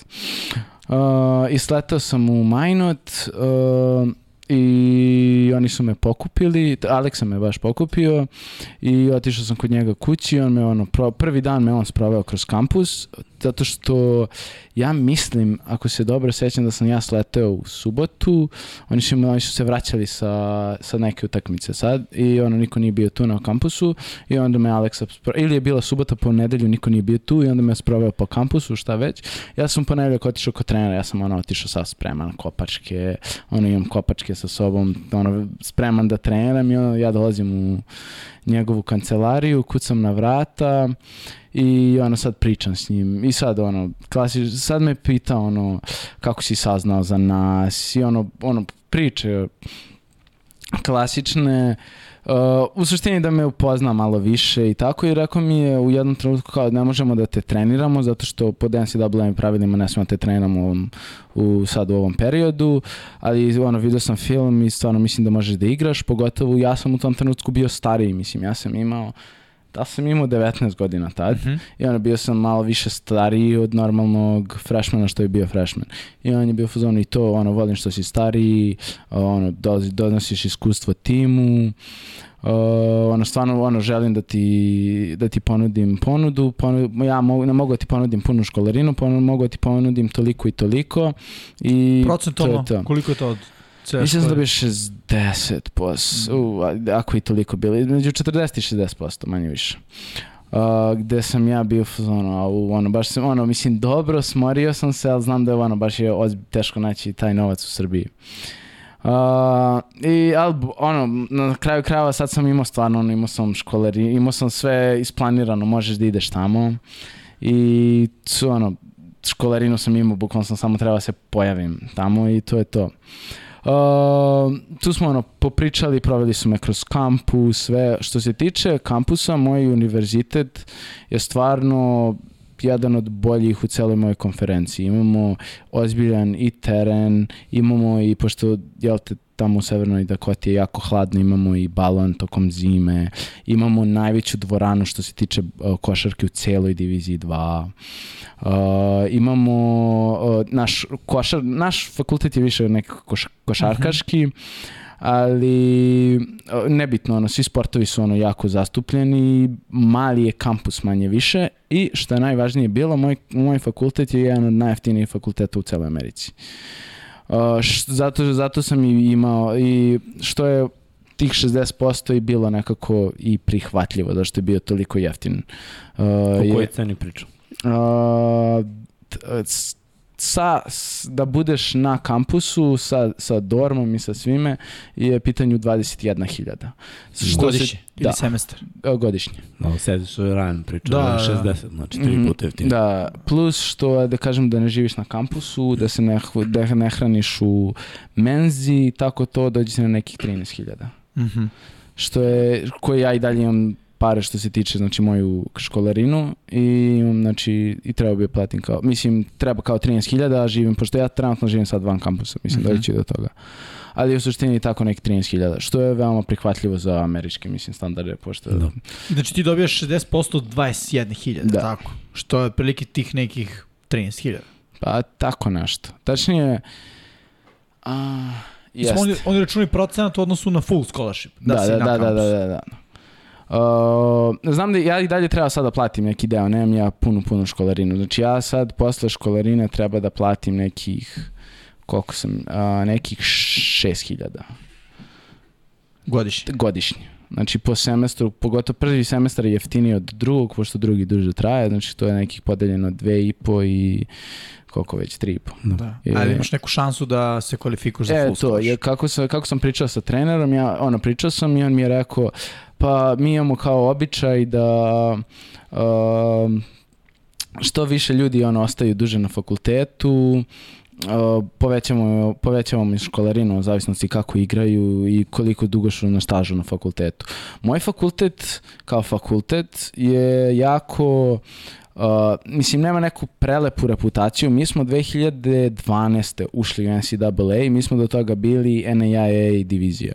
Či on je u NSIC konferenciji, znači North Sun uh, Collegial Conference, gde se mi smo, u, koja je podeljena na dva dela, koje je uh, North i South. Mi smo sa Mankadeom u diviziji, mi smo sa Nordernom u diviziji, sa Duluthom, sa uh, Bemidjijem, koji su svi jedni od Bemidji ove godine bio dobar, ali u suštini svi od jednih boljih fakulteta divizije 2 što se tiče futbala, tako da moja divizija je jedna od boljih D2 divizija, što je ono jako ono, ono lepo igrati protiv dobrih fakulteta.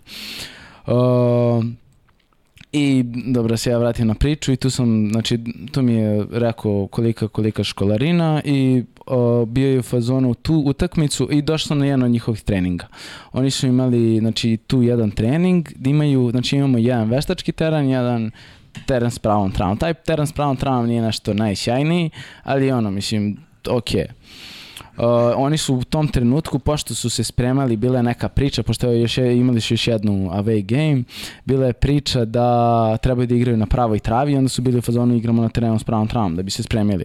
Pošto je trebalo da bude i kiša i blato i sve, pa kao ajde igramo tamo da bi se spremili i ja sam tu ono bio na treningu njih, njih i ono gledao i ono i, sa, i dan danas meni se svi sećaju da sam došao, pošto sam, ja sam stvarno došao van ikakvog, ja sam došao na unofficial visit u suštini. Mm -hmm. ono, niko nije znao da sam ja tamo. Uh, I i ono, stvarno, što se tiče treninga, video sam, ono, njima su to sve organiz, trenizi organizovani, svaki minut je njima organizovan šta će se dešava na treningu. Sad ćemo, znači, zagrevanje, pa onda idemo, uh, s, uh, na primjer, Indi, pa 7 na 7, pa opet Indi, pa specijalni timovi, pa uh, lupam uh, linebacker i ovi, kako se zove, DB-evi rade neki tackling drill, pa opet imaš team, pa opet imaš malo indie, pa opet imaš team i ono, stalno se ono, krećeš i to ima stvarno ono, organizovan svaki sekund. Trening? Oko dva sata, dva sata da. tako nešto. Uh, I ono, sva, ono, svaki sekund im je organizovan i ono, na kraju Mm, na kraju ono, ja sam to video. Mislim, ja, mi smo i ovde, do duše, kad smo i jednom trenutku stvarno imali jako dobro organizovane treninge, pogotovo tih početnih godina mojih te 2014. 15. I ono, stvarno, ono, nije mi bilo toliko čudno, pošto smo imali mi dobre trenere, ali dalje ono bilo je drugačije, ono, vidim svako se, svako je tamo ono pod konac, svi su fokusirani šta već. I ja sam bio u fazonu dobro, ono, to je to, to, to sam, tu mogu da idem i ono, to mi je sad cilj, da zaradim te pare. Uh, Jesi imao neki prozor, recimo, je, javi nam dve nedelje, tri nedelje, dolaziš, ne dolaziš, ili je bilo samo kao, ovo je ponuda, ti je prihvatio ili odbio? Što najgore, ja mislim da je on meni u jednom trenutku, ne, on je meni jednom, ja sam njemu rekao, dobro, ja moram da vidim da ja taj novac mogu da skupim, da je on meni rekao, dobro, javi mi što pre, ja ću tebi taj novac da odvojim sa strane, pošto oni imaju određeni budžet koliko mogu da daju, ja sam taj novac odredio, pa ti mi reci ako odrediš super, ako hoćeš da dođeš ono strava, ako ne, ono daću ili nekom drugom ili nešto, ono nešto će da smisli s novcem, ali rekao je, ja sam taj tvoj novac odredio za školarinu sa strane, ti radiš šta hoćeš. I ja sam rekao, važi, i ja se ono vratio sam se ono išao po kampusu logično vratio se u Maryland i nastavio da radim. Mislim, meni sad u tom trenutku, mislim, work and travel, sam radim, radiš brda poslova i samo zaradiš šta već samo novac. I posle sam se, mislim, posle sam se vratio ovde. Uh, i to se sećam.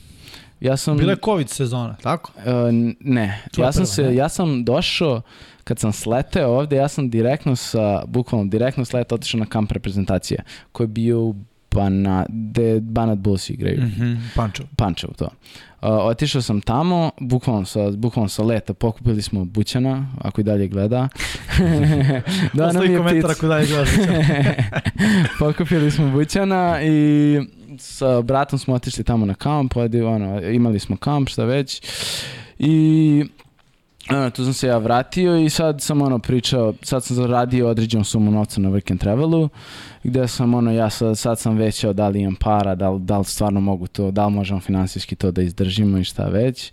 A Ženi, vratiš se ti Work and Travel program bio gotov u tom trenutku ili... A, ne, ja sam se vratio, ja sam i dalje u tom trenutku Mislim, sad je to još, znači ja bi stvarno mogao pričam ovo i danima i danima, ali kako god se izgledalo to sa, sa, sa, sa ovim... Uh, uh, pošto su meni, kad sam uradio ono, kad sam uh, otišao na nedelju dana, oni su meni promenili bazen bili, pošto su se na ljudi, pošto kao nešto što da radiš, promenili su mi bazen, da sam ja bio na bazenu s nekim, ono, Meksikancima, nekim, ono, haos, niko te ni ne sluša, ono, bukvalno spasioci, ako da nisi spasioc. Ne skači.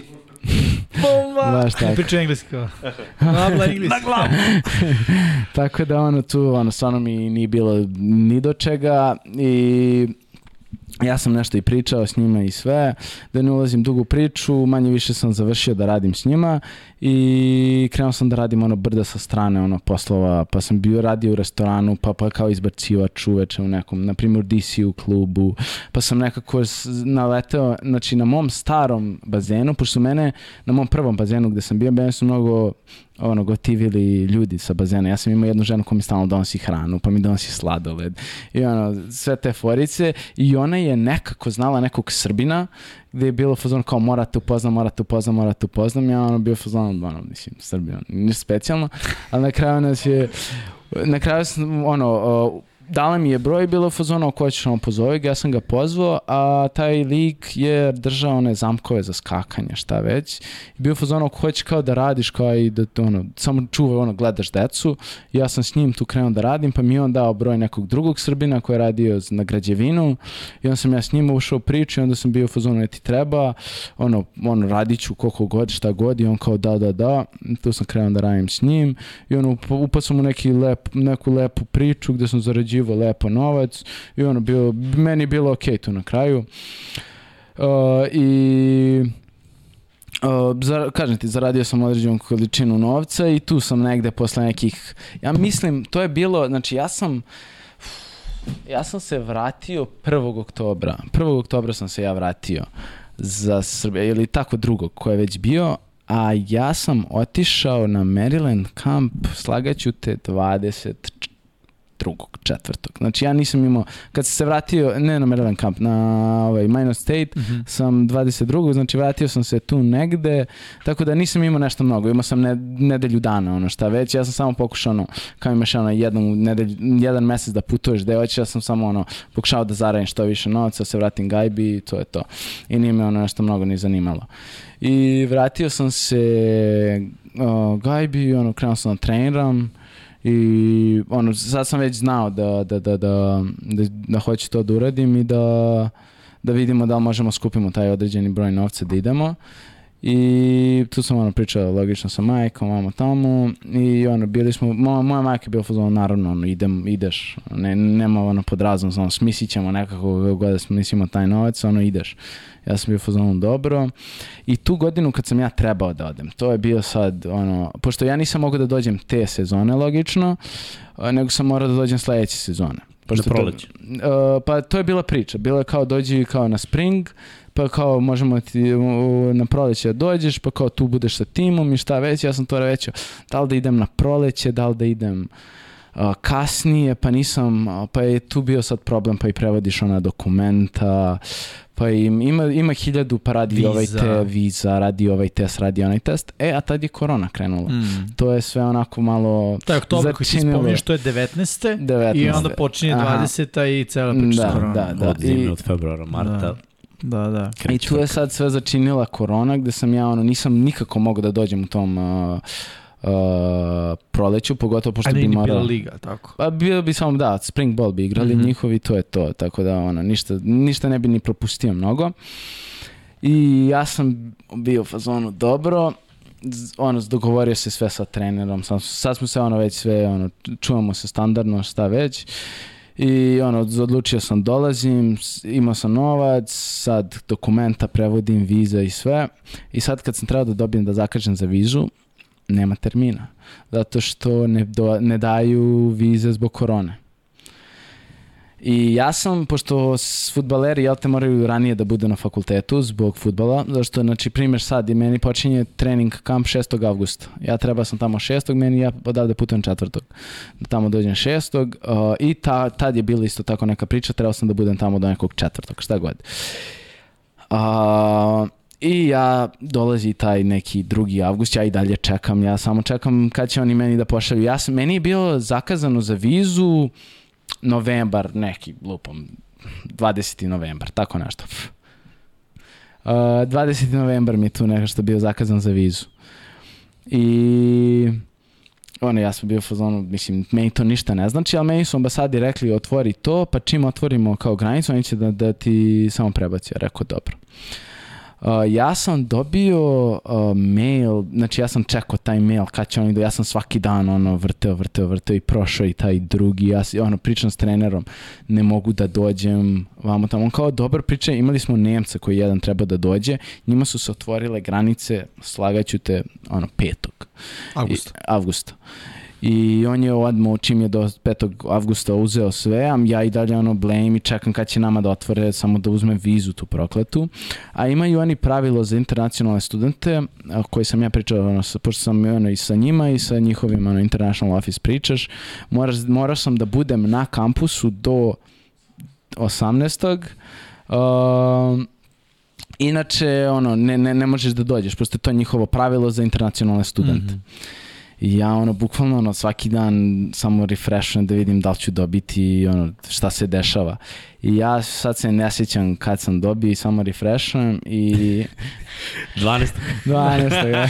Brat dobacuje. Brat se sve, svega seća i 12. sam, i 12. mi je bilo ono za vizu i ono sad čekaš da li ćeš dobiješ vizu, koliko im treba da ti pošalju vizu, šta već, pogotovo prvi put. Ideš, mislim, bio mi je, prvi put sam išao na razgovor bio za Uh, Dobro, to je sad drugi tip vize, nije da, kao za work and travel. Mm, I ono, sad sam došao tamo i ono, pitaju, bili su me pitali, to mi se desilo i drugi put. Ne sjećam se da mi se desilo prvi put, ali drugi put kad sam išao za vizu, pitali su me kao, koji sport treniraš? Ja kažem futbal, koju poziciju igraš? Ja sam rekao defanzivnog beka, on me opet pita kao defanzivnog beka, on kao middle fielder. Ja rekao American football, ono, kao, šta pričaš, bet? Kao, a, ono, i, i, i oni su se ono bili Zbunili, kao, da. da I dobro, tu sam ono, mislim nije iskreno i nije, bilo mi je lakše. Za work and travel mi je bio ono, prvi put ideš na vizu, ti znaš, ono, mali nije sve jedno, ono, da li ćeš dobiti, da li nećeš, ali drugi put sam bio, ono, ma, da, da, daće mi vizu, ono, valjda da. će mi dati vizu na fakultet, ono, nije da ništa sad specijalno ne radim i otišao sam na Uh, na vizu, to je sve bilo lagano i dobio sam ja do tog 18. I dobio sam, meni je let bio 16. 17, 17. mi je bio let. Da. Ta, znači, bukvalno sam ono, Stižeš knap, knapova dolazio. Ba. I, I tu sam se, ja dolazim tamo, idem, išao sam Beograd, Paris, Paris, Detroit, Detroit, Minnesota, Minnesota, Minot. Wow, čovječ. Ja dolazim iz, ja putujem iz Beograda za Pariz, sve normalno, iz Pariza za Detroit, u Detroitu, dolazim ja, sledećem tamo i treba da se check-inujem za let za Minnesota i ja da se check-inujem, kao nema vas na spisku. Ja rekao, molim, kao nema vas, kao niste na spisku.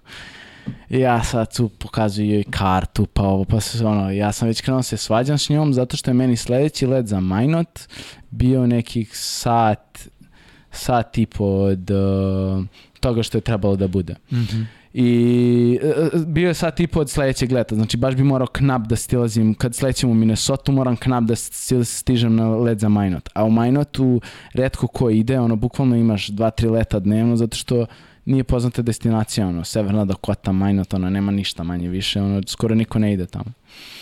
I ja se ono tu sad svađam već s ljudima, ono, pošto znam da moram budem tamo 18. i meni sad sve ekipi ne mogu dođemo, mislim, mogu sam ja dođem i 18. 18. ali ono ne želim to da radim, zato što ko zna kad ću doći 18. želim samo do, dođem tamo i da, ono, da ne razmišljam ni o čemu.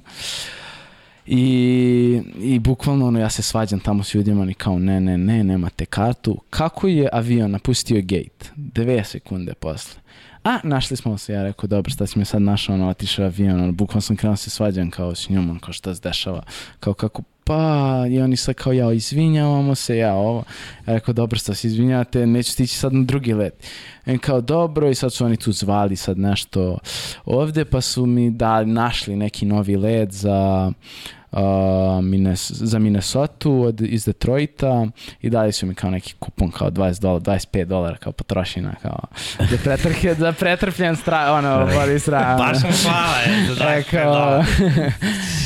I... Teško proživio pakao. Da. Bukvalno. I... Ono ti kažem svaka čast, bro, šta si svaka ti proživio u te dve godine, brate, mailovi, odgovor, ne, yes. idi ovamo, kuci, da, brate, šeći po gradovima. posao, idi na kamp. Ba, baš ono, respekt. Stvarno, brate, respekt. Hvala. I dobiti kartu. I dobio sam tu kartu za Minnesota i bio je taj neki kao 30 minuta uh, razlika između mm -hmm. leta gde sam bukvalno ono trčao. A ta, taj, kako se zove u Minnesota, aerodrom je ogroman. Bukvalno treba ti od jednog do drugog dela pola sata. I meni je bukvalno bio na drugoj strani naravno Kate. Zašto da bude lako? Da. Najteže moguće. I dobro, tu sam se ja nekako snašao, pa imaju one neki vozovi vamo tamo, pa se ja ih snašao i došao sam i na vreme i tamo se i ono, kad, kad sam seo u onaj avion za Majnat, malo sam i ono izdahnuo, malo, dobro, ajde, završili smo i ovo. I došao sam tamo u Majnot i oni su me tamo me sačekao na trener, na dovezu, odvezu i to je bila korona direkt u karantin. Gde su, znači, ja već kasnim, znači, trening kamp oni nemaju, ali su trenirali. Mm -hmm nije bio onaj tradicionalni kamp, ali su kao nešto trenirali, oni imali su kao um, igrači su samo imali trening, on samo igrači bez trenera, da ja dolazim na kampus i ono moraš dve nedelje da blejiš u karantinu. Ništa, Blade dve nedelje u karantinu, taman, ja mislim i škola je počela.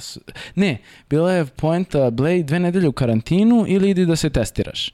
Ja sam rekao da se testiram odmah što, što pre to bolje.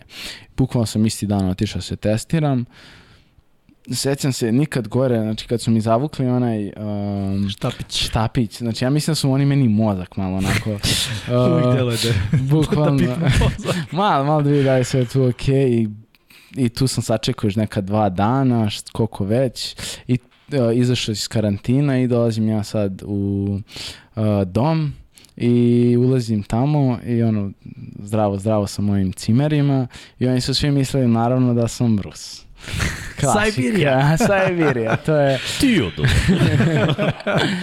Spasibo.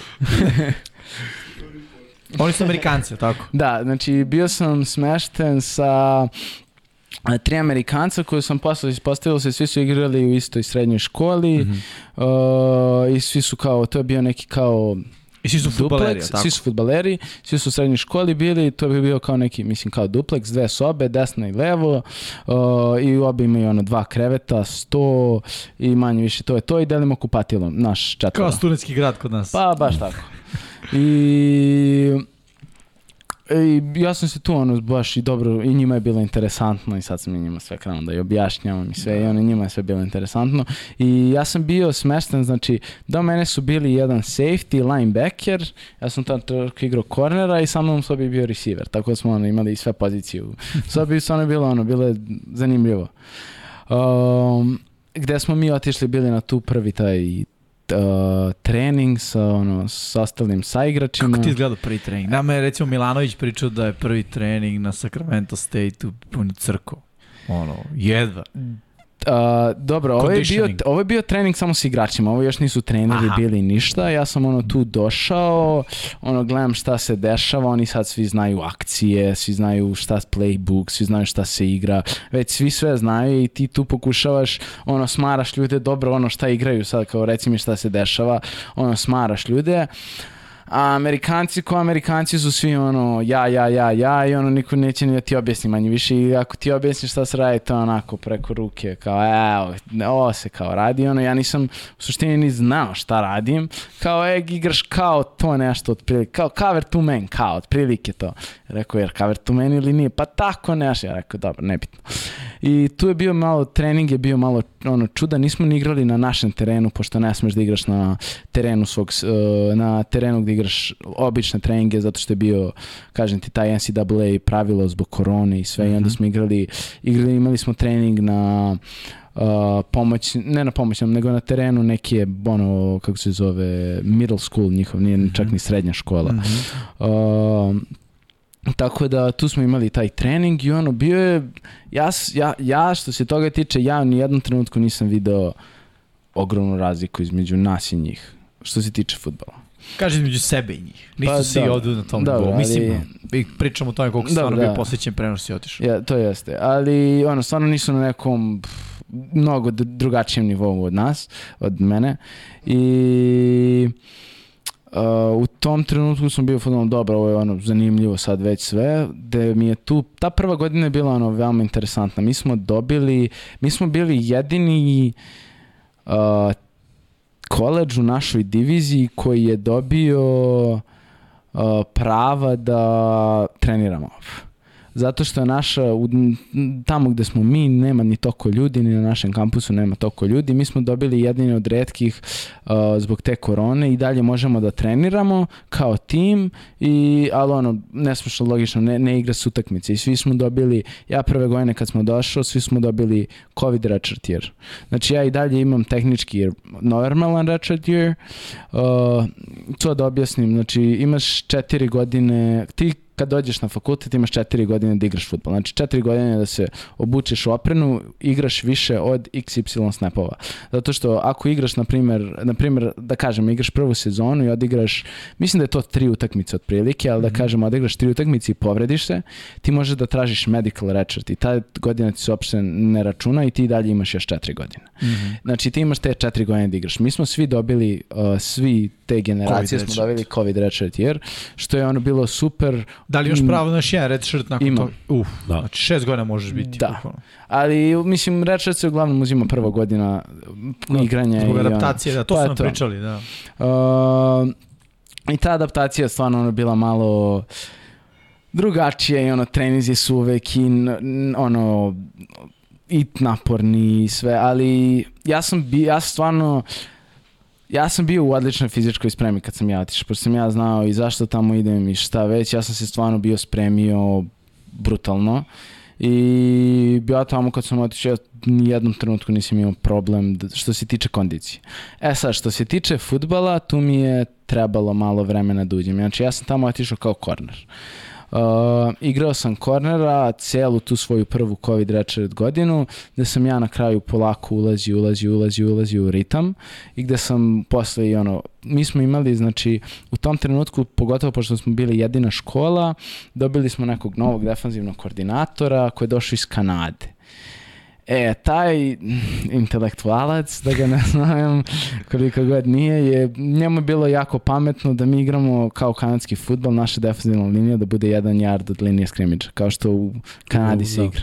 CFL. CFL.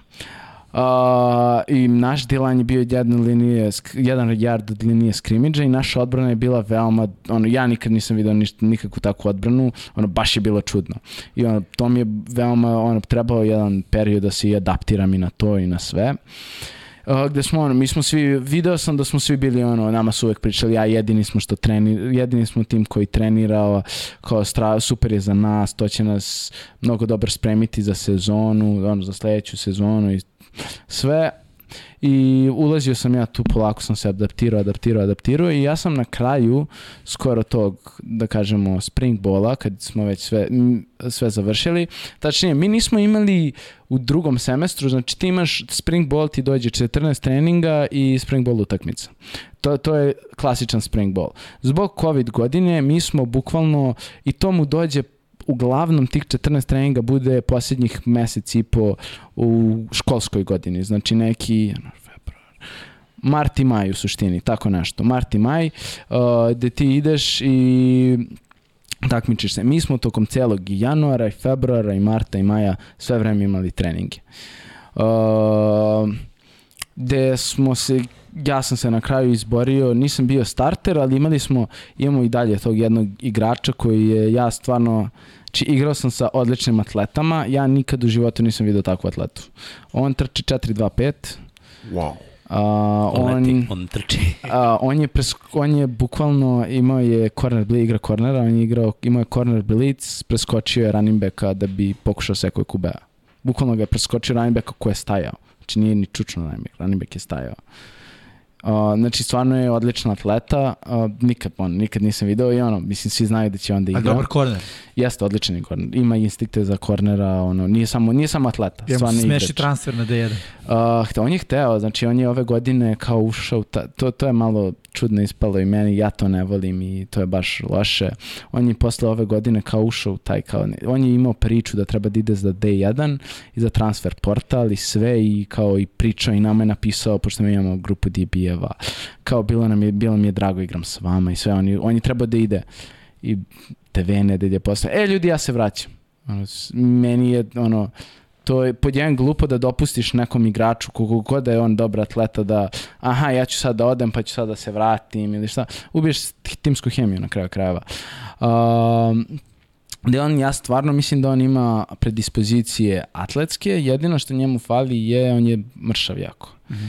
Mislim, nije ni to, on je jak i dalje u nogama. Misliš što je LSU ne može da sredi. Ili Alabama, ono, videli smo kad je Cushing došao na USC. Bio je... Da, dobro, on je bio Štiglić. Butkić. Da, i onda odjednom burđu. On je, on je u, znači ja nisam video čoveka, on je... Košarkaška građa.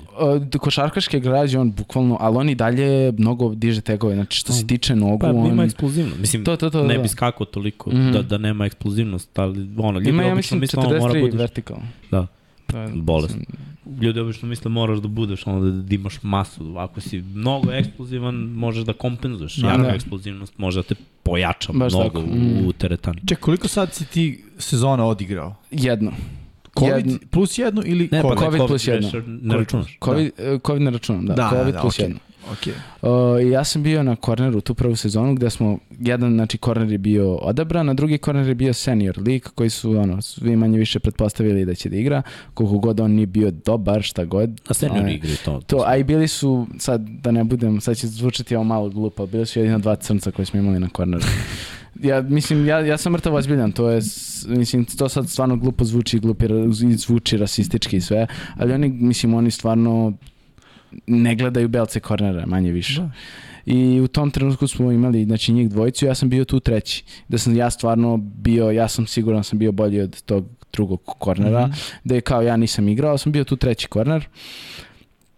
I ono, bio sam i završili smo taj spring ball, ja sam bukvalno, bukvalno smo poslednji play na tom spring ballu sam ja imao interception. Tako smo završili taj spring ball naš u sezoni. Uh, gde su, posle sam imao završni sastanak sa trenerom i on mi je rekao, on me pitao da li bi prešao na safety-a. Ja se tu, sad sam se razmišljao, razmišljao da li ne, da li da. Ja sam sad razmišljao po tome što sam rekao i da sam jedini belac na korneru i znam da ja stvarno po atletskim sposobnostima, ja sam ja odlična atleta, ali to je što se tiče NFL, ja mislim ja stvarno moj cilj je da završim NFL-u i to je to. Uh, I ja sam gledao na to da stvarno ne postoje mnogo belca cornerbacka, kako postoji, postoji jedan. jedan. Ja mislim postoji jedan. Mislim da je draftovan Mislim da postoji jedan, jedan ali... Ali dobro, o, to, to, to, baš tako. da, po, posljednji, Zašto ne znam, ali bit će da, Posljednji koji je igrao 90-ih još bilo u Giantsima. Jeste. Mm -hmm. Bio je još jedan momak draftovan pre možda deseta godina ali nikad nije on odigrao. Da, zato na safety-u, Nema, koga hoćeš. To, i zato Možda sam... crni compression da se obuče onda da buniš malo. I crni rukavice i da. tako. Uh, I onda me pitao da li pređe na safety, ja sam u sebi gledao, u suštini ja sam u glavi gledao, dobro, ajde sad malo i realnije stvarno da gledam, mislim ja jeste meni kogu god se ja trudio, ali ono, moram stvarno da gledam realno stvari. Bio sam u zonu, ako hoćeš da pređe na safety, ja hoću. Plus što kod nas, u našoj odbrani, safety je manje više glavna pozicija. Mi pozivamo pleve, mi pričamo ljudima ono, šta rade i cool. u, u suštini, ono, kapetani smo odbrane. I Uh, I meni se to svidelo, pogotovo kad me stvarno vidio sam da me glavni trener želi na toj poziciji, ono bio, bio je stvarno, pogotovo što je on trener safety-a, plus što je on mene hteo da igram tu i ja sam bio u fazonu ako me hoćeš tu, ono, preći ću, što da ne. Uh, I tu sam ja sad let, to leto ostao mm -hmm. u mhm. Americi, to je bilo prošlo leto gde se nisam vratio zbog korone, pošto je bila neko pravilo, sad da ne ulazimo malo u politiku. Da, komplikaciju, da, se vratiš. To, to, to, oko gluposti, onda sam, odlučio sam da ostanem tamo u Americi, uh, našao sam tu stan, uh, sa, gde je bio Aleksa, znači uz, bukvalno sam, te, bila je priča s uselimo ja, on, još jedan uh, košarkaš, č, koji je šveđanin, ali ima srpsko poreklo, znači priča srpski, i ono, bilo, bukvalno bi sva trojica srpski pričali, to je bila mnogo dobar priča, gde su u trenutku desilo da Aleksa i nije dobio tu stipendiju nazad i on nije mogao se da ostane, pa smo se ušli ja, on i sad živim sa Brazilcem još jednim, mm -hmm. isto igra košarku i uglavnom ne živim sa, mislim, mislim ne uglavnom, nego ne živim sa futbalerima. Mm -hmm. Ja sam nekako tu s futbalerima i nisam nešto, mislim, snašao sam se ja okej, okay, ali futbaleri imaju jako jednodimenzionalni mentalitet i nekad mi je, mislim, naravno imam ja, pričam s njima i sve, ali nekako su svi mnogo nadmeni, svi mnogo, ne znam, ne prije, ne prije mi ne, nekako njihova energija. No, pazi, svi, i kad smo sa Ilijom pričali, i, isto je to rekao kad smo uh, isto pričali sa... Milanović. Da, da, i on je isto bio u fazonu, ono, kao u početku, da, s tim što su oni kao online drugačije da. se postavili u fazonu prebiću. da.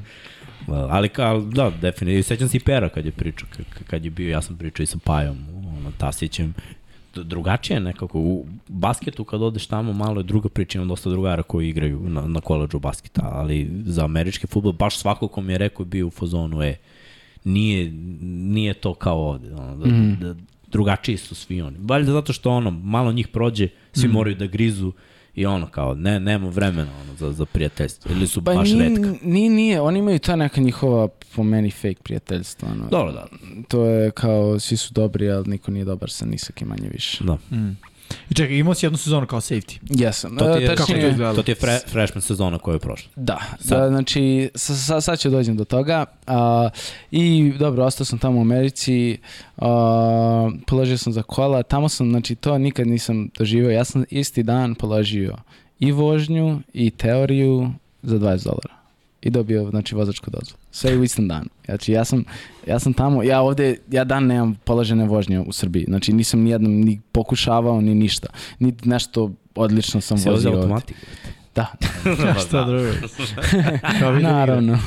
Tamo ja nisam, znam jednog čovjeka koji ne vozi automatiki, to je to. Da. Uh, I kako se zove, i došli smo do te prve sezone gde smo trebali na taj trening kamp, da sam ja ostao cele sezone da pre, treniram preko leta sa timom, sa mojim, sa ono sa trenerom i sa sam ono, bio sam u odličnoj formi. Nisam nešto, osjećao sam se ja dobro, ali nije, nije to bilo nešto, ja sam se bio napucao dosta, pošto ja sam u sezoni, ja sam u jednom trenutku pred sezonu imao 88 kila. Znači ja sam se baš bio dosta napucao. To je 20 kila kasnije u odnosu na Da, bukvalno.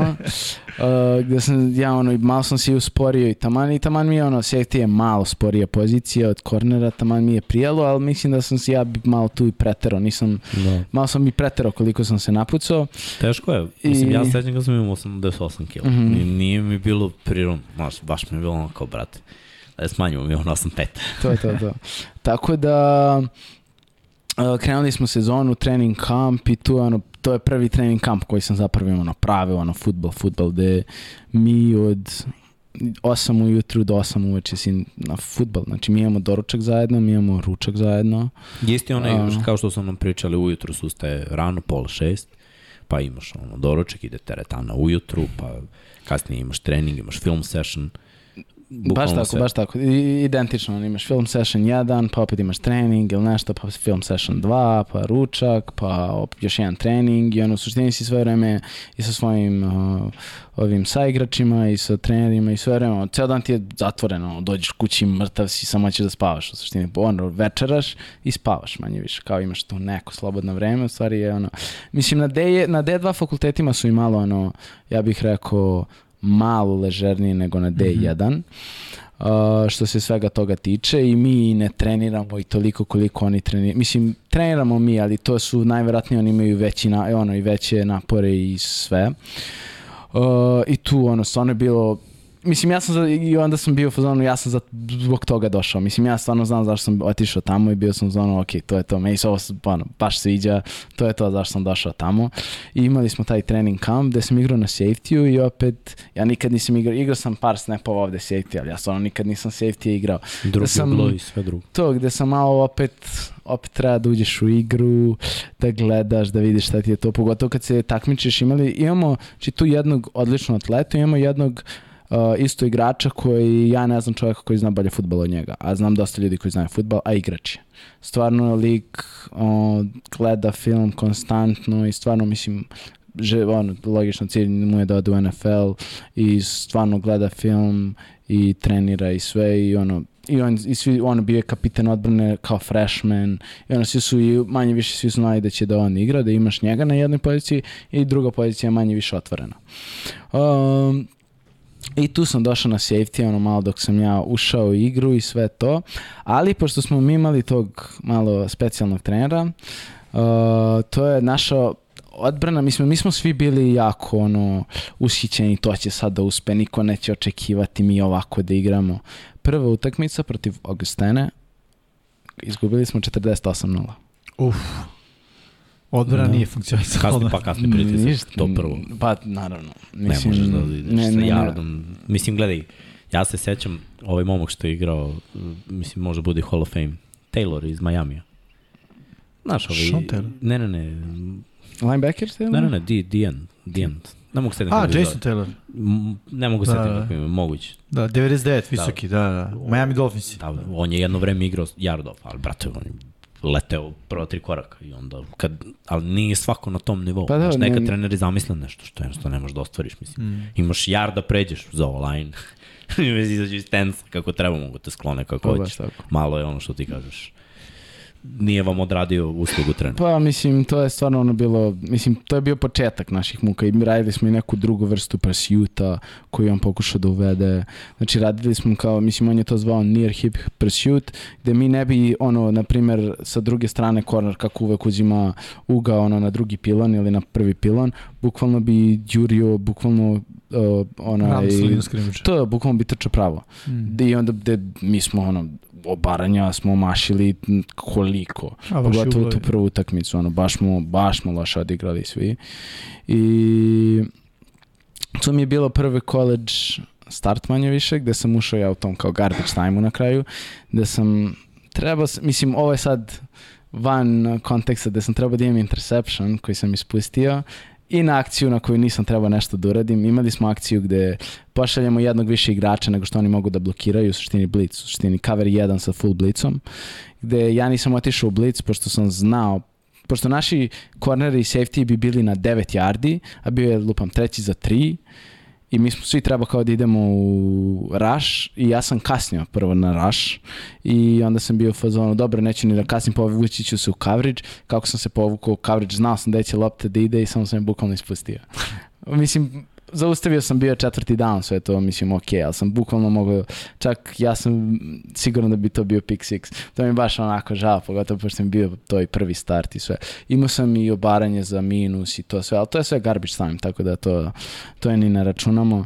O, gde ono, druga utakmicu smo igrali kod kuće protiv Sufalsa, izgubili smo 486. Znači opet znači katastrofa, da, ja koji sam došao koji u životu nisam iskubio sa tojom razlikom, gde ovde mi pobeđujemo ljude s tojom razlikom. No. Da. Sad sam na drugoj strani gde sam u fazonu, ono, brate, kako ovo može da se dešava, ono, ne sme da se dešava. Gde sam ja shvatio da D1, na D2 fakultetima, mislim, grizu ljudi koji hoće da grizu, ali koji neće, boli ih uvo manje više. Mi gubimo pa gubimo, pa ja sam tu zbog iskustva manje više. Imaš i takvih ljudi na diviziji 2. Nisu svi, ne žele svi da grizu, ne žele svi da, nije to malo, to je ono, mislim, D2. To, to, je to. I Uh, I to sam vidio i to me je malo tangiralo. To me i ovde ne, ono, tangiralo pogotovo tamo gde ono kao došli si ono već na fakultetu ono mm.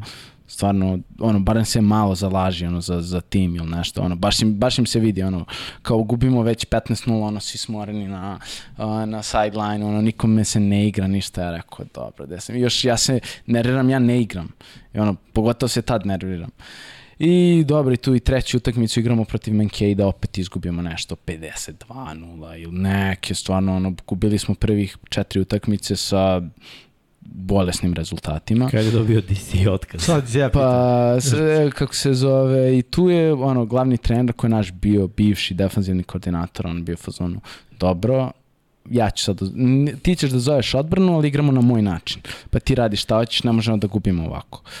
Um, I tu smo malo sad promenili odbranu, pa su oni i dalje smo igrali kao nekih pola yardi nazad ili nešto, ali tu ništa nije ono pomagalo da smo mi ajde polako krenuli da ulazimo u neki ritam, u nešto da radimo. I tu smo već krenuli da igramo neku malo uh, gušću utakmicu, dalje smo izgubili, pa još jednu gušću utakmicu i ja, koliko se sećam, znači mi imamo 11 utakmica u sezoni, ja sam u šestoj utakmici u sezoni, tu se i povređivali neki igrači i nešto.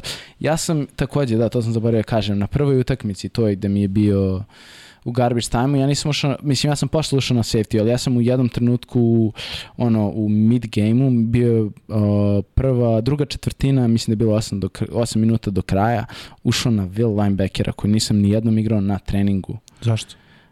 Povreda? Uh, nije bila ni povreda, bili su svi umrli. Ja niko nije bio ono kondicija. Prva prva utakmica, niko, čak ni ja nisam, prva utakmica kondicija nikom, ono, u, kondicija što se tiče utakmice drugačija kondicija nego ono i treninga i svega i ono tu su oni svi bili umorni to i ja ne znam šta je njemu bilo ja sam bio pored njega ono mislim se stojiš on kao znaš mislim ja sam znao tehnički šta radim i sve na Will linebackeru da, ali repova. ono imao sam nula repova i on bio fazon znaš šta radiš rekao da aj uđi rekao važi ono ja sam samo hteo da uđem u suštini. I pa da nećeš da ubiješ. Um, pa, pa baš to. I ušao sam tu, ali ono, mislim, ja nisam odigrao sam neke dva, tri snapa i što najgore napravili smo fumble, pa smo mi uzeli loptu i šta već, ali ono, to je to, ali to, toliko pričamo o treneru, ono, gde me stavio na linebackera bez jednog repa na treningu. Um, i kako je sezona odmicala, uh, nisu, pošto smo kao odredili su njihova dva startna safety-a, šta god, i niko se nisu povređivao i imali smo tu neku, kako se zove, teškoću na uh, nekom nickel linebackeru koga mi zovemo, gde nam se bukvalno sam, ja mislim da se povredilo šest ljudi na toj poziciji. Uš. Mi smo imali u sezoni što se tiče povreda sedam ACL-ova, uh, dva, tri preloma, u suštini 15 ljudi nam je bilo povređeno, što wow. je preveliki broj ljudi Kako da bude povređeno. Uh, pogotovo pošto su dosta njih ono bili pre dve godine starteri, kako god.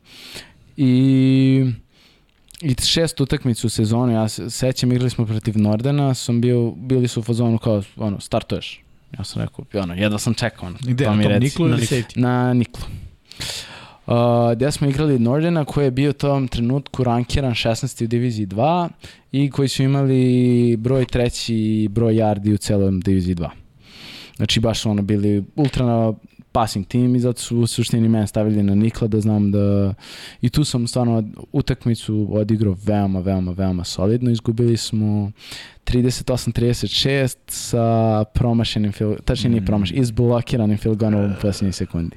Da smo ono videli stvarno, pošto su oni bili rankirani 16 da, možete da i stvarno možemo da igramo s njima i ono sad ono, videli su ja igram i to mi je bukvalno od cele promene u odbrani sam u suštini ja bio jedina promena i gde sam od tad manje više bio starter. Uh, i igrali smo tu, ono, tu je malo krenulo da se nešto dešava, ono, igramo sad već, sad dobro igramo. Uh, I imali, znači ja sam tu za sezonu završio, imali smo, mi smo završili sezonu 2-9, pobedili smo dva tima koji su jedina, bukvalno imali skor 1-10 oba tima. Tako da, ono, baš očajna sezona što se tiče skora, gde, ono, odbrana nikako nije funkcionisala, a na kraju smo, mi imamo dobrog, veoma solidnog QBA, koji je došao sa iz Wyominga i veoma, znači, stvarno zna, zna da igra i on je ušao polako i u igru i ono, shvatio šta se dešava kako se igra. Je trče ili samo Nije, nije, passing kube. Baš je ono, baš ne trči, trči kad mora i što najgore dobro trči, ono pametno trči. Mm -hmm. uh, ali ono ako baš ultra passing kube, a imamo All American running back O, tako da što se toga što se napada tiče već je ono krenuo je malo da, i, da igra napad i sad smo samo trebali mislim odbranu da popravimo ne možeš da primiš ti 35 utakmica 35 poena po utakmici da očekuješ da pobediš. Baš to. Um, tako Kako se završila ta sezona? 2-9 smo završili. Uh, posljednju utakmicu sezone smo pobedili, a to je kao to je da završiš Duplirali sezonu. broj pobjeda. da, da završimo lepo sezonu. Ja sam na kraju, znači tu smo igrali Uh, ja i još jedan uh, lig smo se menjali na toj poziciji Nikla, zavisnosti ono prvi dan da li oni trče, da li oni ne trče, pošto mislim jel te ja nisam bio nešto, ja nisam nešto prevelik da igram baš Nikl. Mislim, to je više Sam linebacker, mm. čak i nije Nikl. Baš Samo moderno futbolu ba, Sam linebacker. Sam, baš tako. Tako da ono, zavisnosti od downa, ako misle da će da baca, ja bi još, ako mm -hmm. misle, ali tu smo u suštini, uh, što bi rekli amerikanci, splitovali reps. Mm -hmm. Tako da tako sam, tako sam sezonu završio, gde smo... Ali generalno dobar utisak.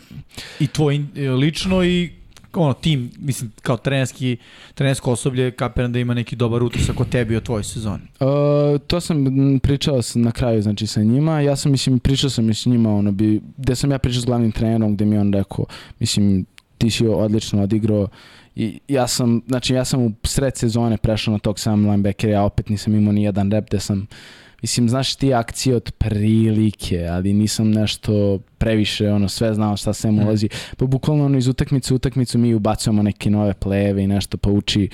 Pa i... Koliko je kompleksan playbook? Nije toliko, iskreno i nije toliko kompleksan.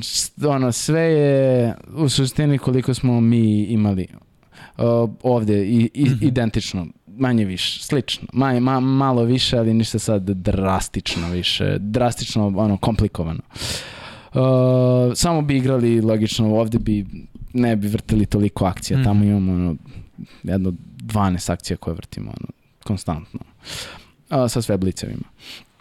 Tako da, što se tiče playbooka, ja sam imao, mislim, veoma solidno znanje kad sam otišao tamo, tako da ja nisam nešto uh, pomoglo mi je, logično što svaki dan imaš, gledaš film, svaki dan, bukvalno ti gledaju, kad smo im, pošto sam bio korak prve godine, svaki korak, ono, ovdje si napravio jedan više korak, ovdje nisi ovo trebao da urodiš. Mislim, ja sve to znam, samo što sad mogu sve da vidim na da, da. Uh, snimku svaki dan. Mm, izbaciš loše navike.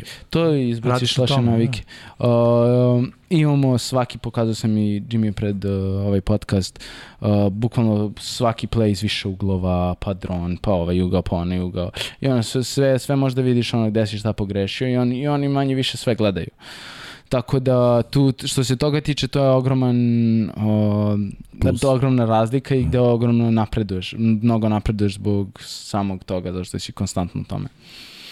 Uh, na kraju sezone smo logično otpustili, tačnije nismo ga otpustili, nego je bio advice to leave trener, uh, ali u suštini smo ga otpustili. I sad smo dobili novog defanzivnog koordinatora koji je u suštini bio sad ne znam tačno ko i čega asistent trenera NDSU kad je Trey Lance bio tamo i ono i zna Trey Lance-a i i dobar je s njim, bukvalno, mislim da se, bukvalno je bio na FaceTime-u jedan dan sa na Trey Lance, ono, baš random.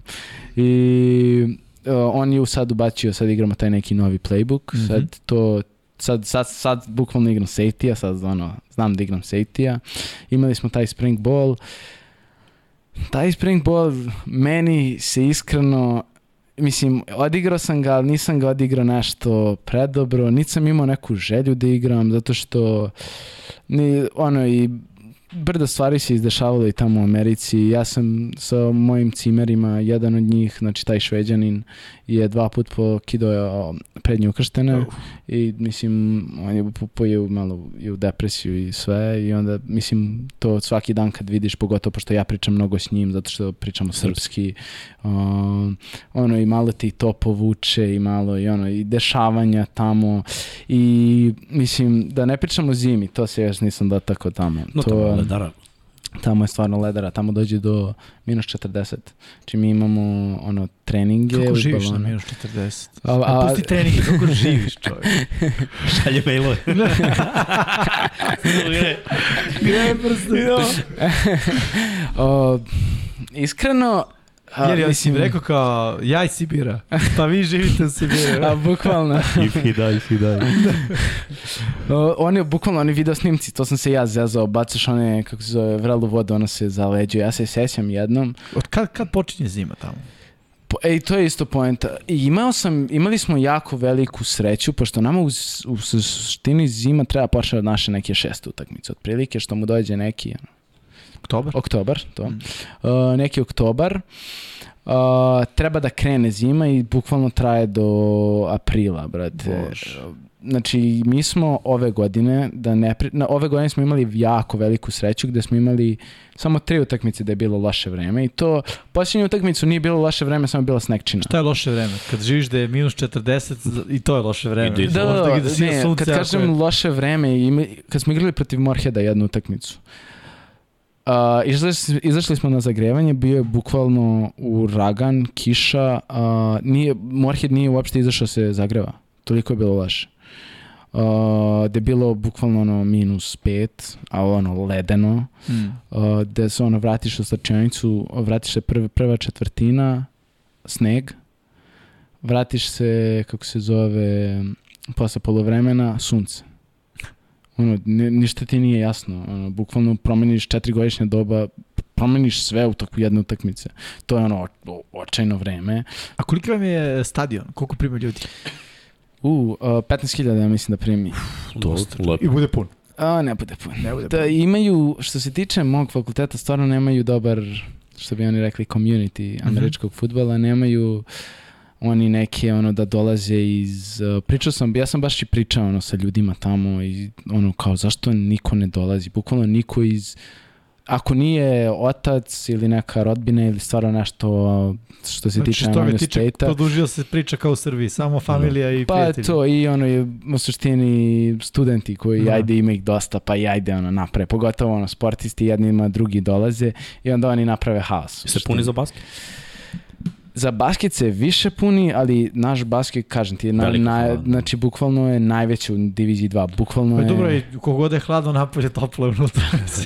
ne, da. dobro, ali dalje nemaju oni taj neki dobar community mm -hmm. oko celog koleđa. Uopšte. Igli to... hokej? E, u hokeju su super. Pa, I, divizija, ja. divizija 1 hokeja smo i bukvalno su otišli u playoff, bili su sad koliko već igraju, a kažemo da igraju 4-8 utakmice, bili su 4-7-1. Treniraju na polju, brate. 4-7-1, znači jedno su izgubili za sezonu. Da, mislim, sad sam ja preterao da igraju veze, toliko utakmice. Jedno su, jedno. da, jednu utakmicu. Neki bilo i ono 10 Ali su onda u play-offu prvu čokovali. Aj. Ali... Dobro, bit će, bit će prilike. Uh, tako da, što se tiče vremena, to ono malo, kad ono, minus 40 izađeš bukvalno, pošto smo, imam, mi smo sve vreme tokom spring bola i tokom svega imaš u 6 ujutru, dok je spring ball imaš u 6 ujutru trening, futbalski trening, znači od 6 do 8 ujutru. Uh, I, a pre toga smo is imao ono, dizanje tegova od 6 do sad 6, 7 i 30 koliko ti već treba završiti trening. Um, Je neko vodi sve to?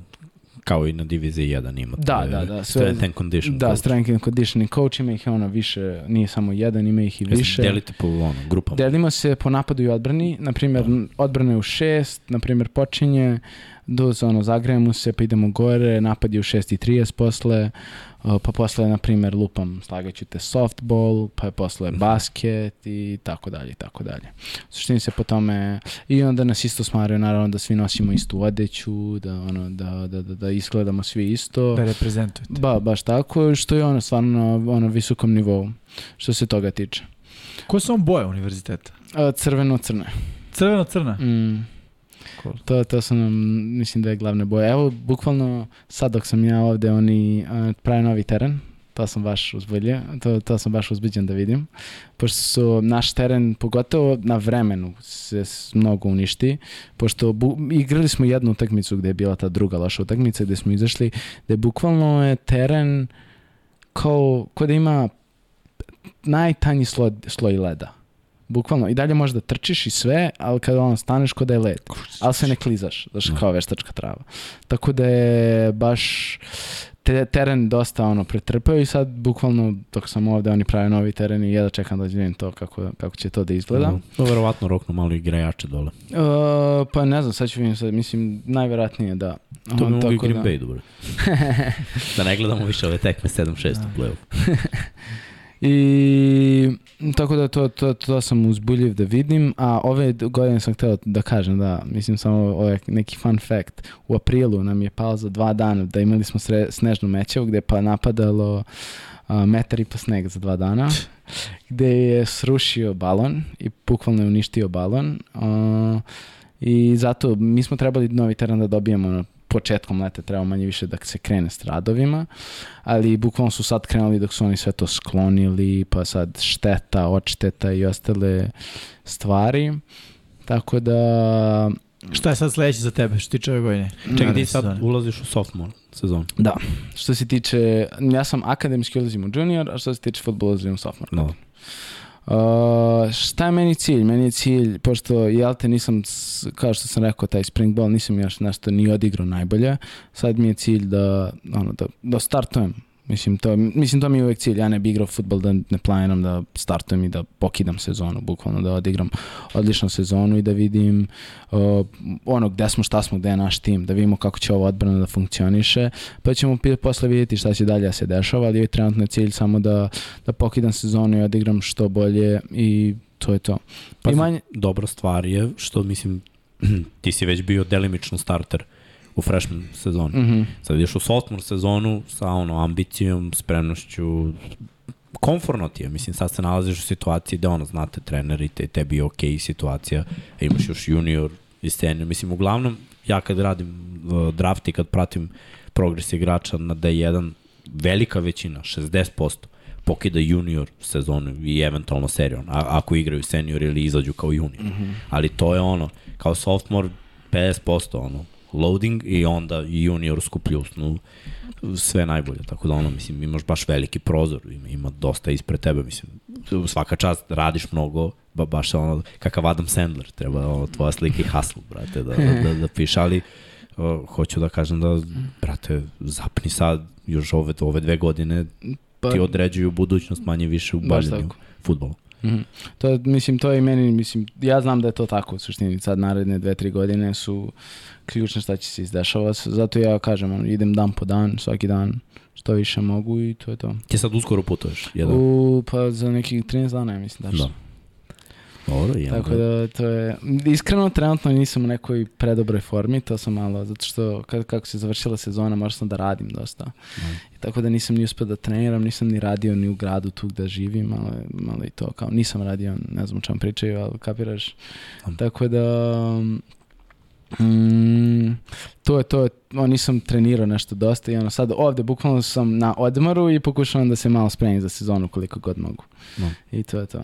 Samo teretana ili malo Nije, idem, idem trčanje, idem na košutnjaku malo da, da trčim, da ono, koliko mogu manje više kondići da nabijem, pošto pod jedan najvjerojatnije ćemo mi imati onaj conditioning test kad se vratimo, tako da to da ne baš ne bacim, ono to bukvalno od 100 ljudi 50 baci peglu. Da.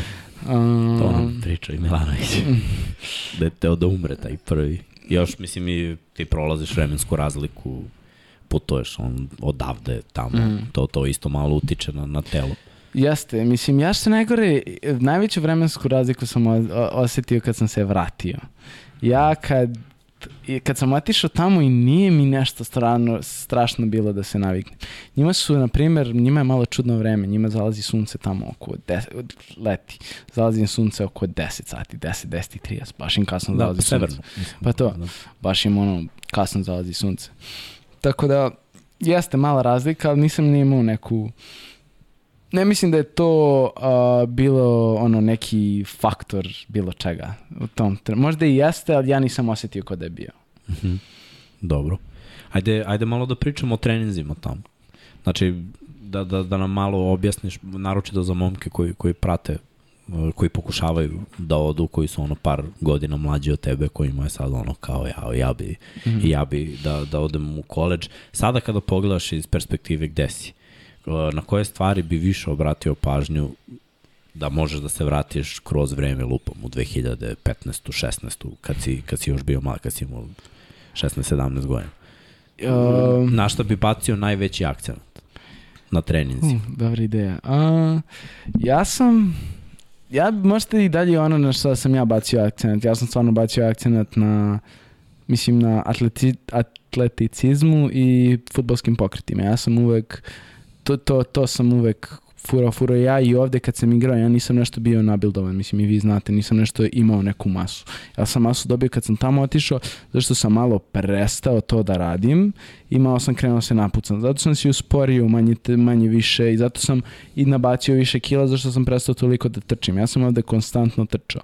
Tu treba taj neki mnogo dobar balans da se nađe između jednog i drugog dela. Meni je ovde bio problem, to sam sad shvatio, zato što oni tamo imaju lepo organizovano. Ti da. uh, posle sezone uh, uđeš u taj off-season program gde se ti stvarno napucaš do ono, i više kila nego što ti treba i onda uđeš u neki period gde taj kao dođe spring ball i ti opet ulaziš u, kako se zove, i dosta ljudi, iskreno i dosta igrača ne voli taj spring ball, zato što im remeti taj njihov odmor. Zato je, do, mislim, u NFL-u imaš samo NFL sezonu i to je to. Zato što ti remeti taj tvoj napredak, zato što iskreno kako bi mnogo dobro bilo, ja nikad nisam to ovde mogao da uradim zašto sam igrao juniorsku, seniorsku isto na trenutku, ali posle sezone da uzmeš nekih dobrih tri meseca samo da se napucaš no, i onda 12 nedelje 12 nedelje, da, to je to. Uh, I onda posle tih uh, uh, te, ta tri meseca da uzmeš da radiš konstantno i na jednom i na drugom, ali malo veći akcent da baciš na atleticizmu. Mm. Gde možeš i da se, znači ti si u ta tri meseca da nabacio sebi 10 kila, ti ćeš da skineš tih sebi 10 kila pet i to je ono savrš, mislim ovo sad ono zamišljene brojke bacam, ali e, ti ćeš da skineš lupam pola od toga i ti ćeš i dalje da ostaneš sa 5 kila mišića da ćeš i dalje se osjećaš brzo. To je taj neki, to je taj neki stil koji mislim da bi najbolji bio za napredak uh, atleticizma i samog ono futbala. No. Ka, ako neko može tako da, ako je neko ono u prilici tako da trenira, ja mislim da bi to bio naj, najpovoljniji. I, ja bih dodao još jednu stvar, onako iz mog ugla slušajući tebe, razumevanje futbala to, si negde, to je neka stvar koju si ti istakao i gde si rekao oni tamo prosto od malih nogu gledaju futbol, razumeju futbol. Uh, mislim da je to isto jedna stvar koju momci ovde što pre shvate. Biće im lakše kad prave taj korak. Neće im biti lako, ali će im biti lakše. Slažem se apsolutno s tobom. Ja ja znam koliko ovde ljudi ne gledaju film, pogotovo i u vreme kad sam ja igrao ono i sa, od, sa vama. Ja se sećam, ja sam i ovde što se toga tiče, ja sam gledao i pisao akcije i ovde. Ja sam znao, a, na primer, ono, ne, neki ljudi koji imaju najprozirniji playbook, na primer, nikog ne prozivam sad, ali ja sam novi sad svaki put znao kad će trče čajnu. Znači hitch i corner, znači providni su. I ja sam svaki put da, mogao da, da... Kod nas uvijek, znaš, po alignmentu, po tome da li je jedna noga napred, druga, da li se slot pomerio dva koraka, sve mm. se vidi, mislim. To stvarno igramo protiv može... ekipa koji imaju iz jedne formacije jednu akciju. Mm, da. Tako da... Pa smo se mi igrali i pokušavali da pravimo. Da, on X-cross uvek da. znaš kada će bude, on X-receiver koji je suprotno od Tripsa stoji 5 yardi od ofenzivne linije. Pa, da. A pre toga stoji 15. I kao ono, zašto? Ja, stvarno, to gledanje filma i to razumevanje, to mnogo pomaže da pod jedan napraviš dobar film, znaš šta će se dešava. S čim ti već u glavi imaš predstavu šta može da se desi, možeš brže da odreaguješ. Mislim, futbol, ti možeš da budeš i najbolji atleta ako nemaš tu futbolsku inteligenciju, ne, ne možeš ti to, to nikako da iskoristiš. Pa da. da. Ako nemaš taj osjećaj za taj konkretan sport, džabe što skačeš visoko, najjači si i najbrže trčiš. Ono. Ako ne znaš šta sledi. On prisne prid, realno. Pa da. Ja, Tako znači, bi... ono, moraš da uđeš, znaš, na primjer, igraš protiv, nebitno, kad smo igrali protiv grad Žanca, kad udari ovo, ono, u prvom polovremenu je bio hitch, sad u drugom polovremenu je ovo fade. Ti moraš da znaš da to oni urade adjustment na polovremenu. Tako neke, ono, male stvari koje, koje mnogo znače u suštini. Zato što, mislim, logično, treba da budeš naj... Uh, utakmica u suštini treba bude naj, mislim, dobro, najzabavniji, da. ali najlakši deo. Mislim, ti pa ono zato značiš... gineš na filmu, zato gineš u teretani Baš na tako. treningu celo nedelje i onda on let's have some fun. Baš tako. Ja, eto, i nis, da se dotakne malo priča koja zanima, mislim, kad putujemo. Mi bi Ajde. putovali uh, dan ranije, znači u petak ujutru, znači mi petkom uvek imamo časove, jel te, ali petkom ne bi imali časove zato što bi putovali. Ono, od imaš određen roster broj 45 igrača koji Kako putuju. Kako putujete? Busom ili? Bus. Putujemo s dva busa, jedan napad, jedan odbrana i neki ljudi imaju dva mesta, neki nemaju, sad zavisi, uglavnom pustiš ono... Znači nije double debilja, decker. Nije double decker, uglavnom pustiš one debeljane malo da sede sami i onda se ono, zguraš, ali u suštini imali smo jako duga putovanja. Mi smo imali, pošto tamo je sve jako razuđeno. Mislim, jedno drugog Nenaseljena zemlja. Bukvalno. Mislim, cela North Dakota ima, ona je dupla veća od Srbije po površini, a ima 800.000 ljudi. Znači, 7 Ceo state. Ceo state ima 800.000 ljudi. Ništa. Znači, bukvalno ništa, ono prazno. Ja ti ideš 3 sata, pogotovo što je prazno, a ravno je svuda. Ti ideš 3 sata, ne vidiš grad, ne vidiš ono ništa. Jedino što vidiš je ono, brate, stumbling vid, ono šta. ja sam... Čekaj, jesu ostali koleđi iz vaših state-a ili putujete Ne, okolo? znači mi igramo sa NSIC, igramo sa a, South Dakotom, Iowa, Minnesota, i slagaću te Nebraska. Mm -hmm. Ali nisam siguran. Čo, šest state-ova ukupno? Da, u suštini še, šest. Uh, pet.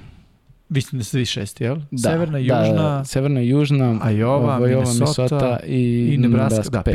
pet si. Uh, I igramo, znači podeljeni smo te dve divizije uh, Jug i Jug, da, Jug i Sever. I u, na primjer u jugu, mi smo u severu, u jugu su na primjer uvek igraš znači sve utakmice sa svojima. Znači mislim da smo ima na 16, podijeljeni smo 8-8. Mm -hmm. Igraš sve sve utakmice sa svojima ko u NFL-u manje više. Igraš sve utakmice sa svojom divizijom, igraš par utakmica. Duplo ili ne? Ne, sve utakmice sa svojom mm -hmm. divizijom plus što igraš uh, te tri utakmice sa nekim drugim mm -hmm. svoje divizije. Uh, ali u suštini smo svi pod jednom NSIC konferencijom.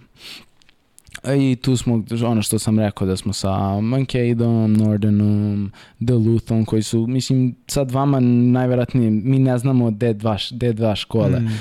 ali oni tamo, ono, koje, ko se zanima za futbol tamo zna, to su stvarno malo, malo ozbiljniji koleđi što se tiče i futbol, sporta u suštini, pogotovo Mankato.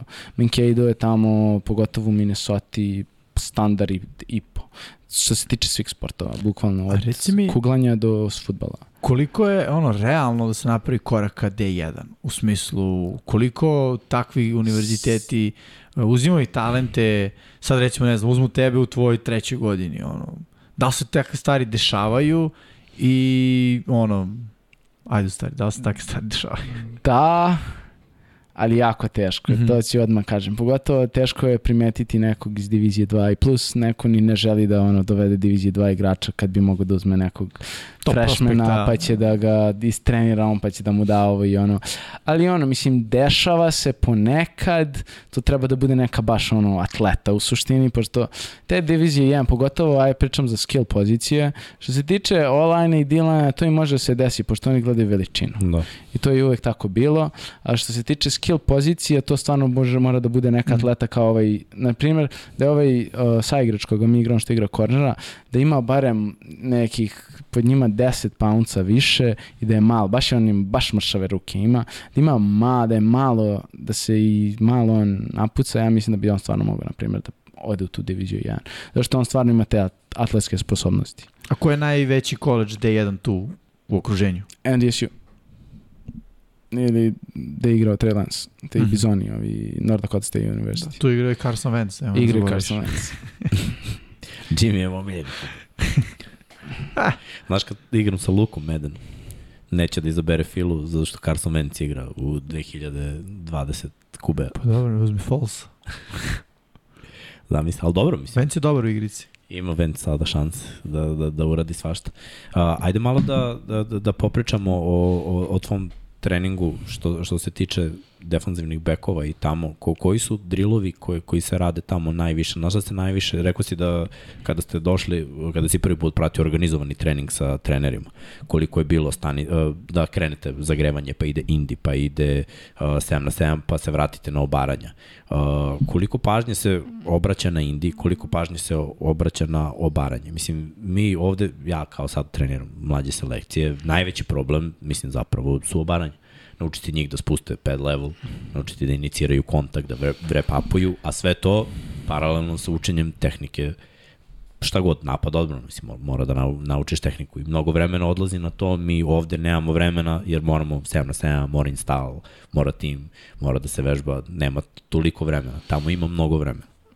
Ima, pff, ima mnogo vremena. Što se tiče tih obaranja, to je, ja bih rekao i na mom fakultetu ono veliki problem zato što je, imate, ljudi ne znaju da obaraju. Da, je Mislim, imate uh, opremu, ono, damije, kako obarati. Kako Aha, i... imamo mi damije, ali niz, iskreno i ta obaranja koliko radimo, ne radimo koliko ja mislim da bi trebalo. Zato što ja, ono, po utakmi, pogotovo na prvoj utakmici nama trči running back koji, ono, pet obaranja svuče sa sebe, ono, ono skloni mi se.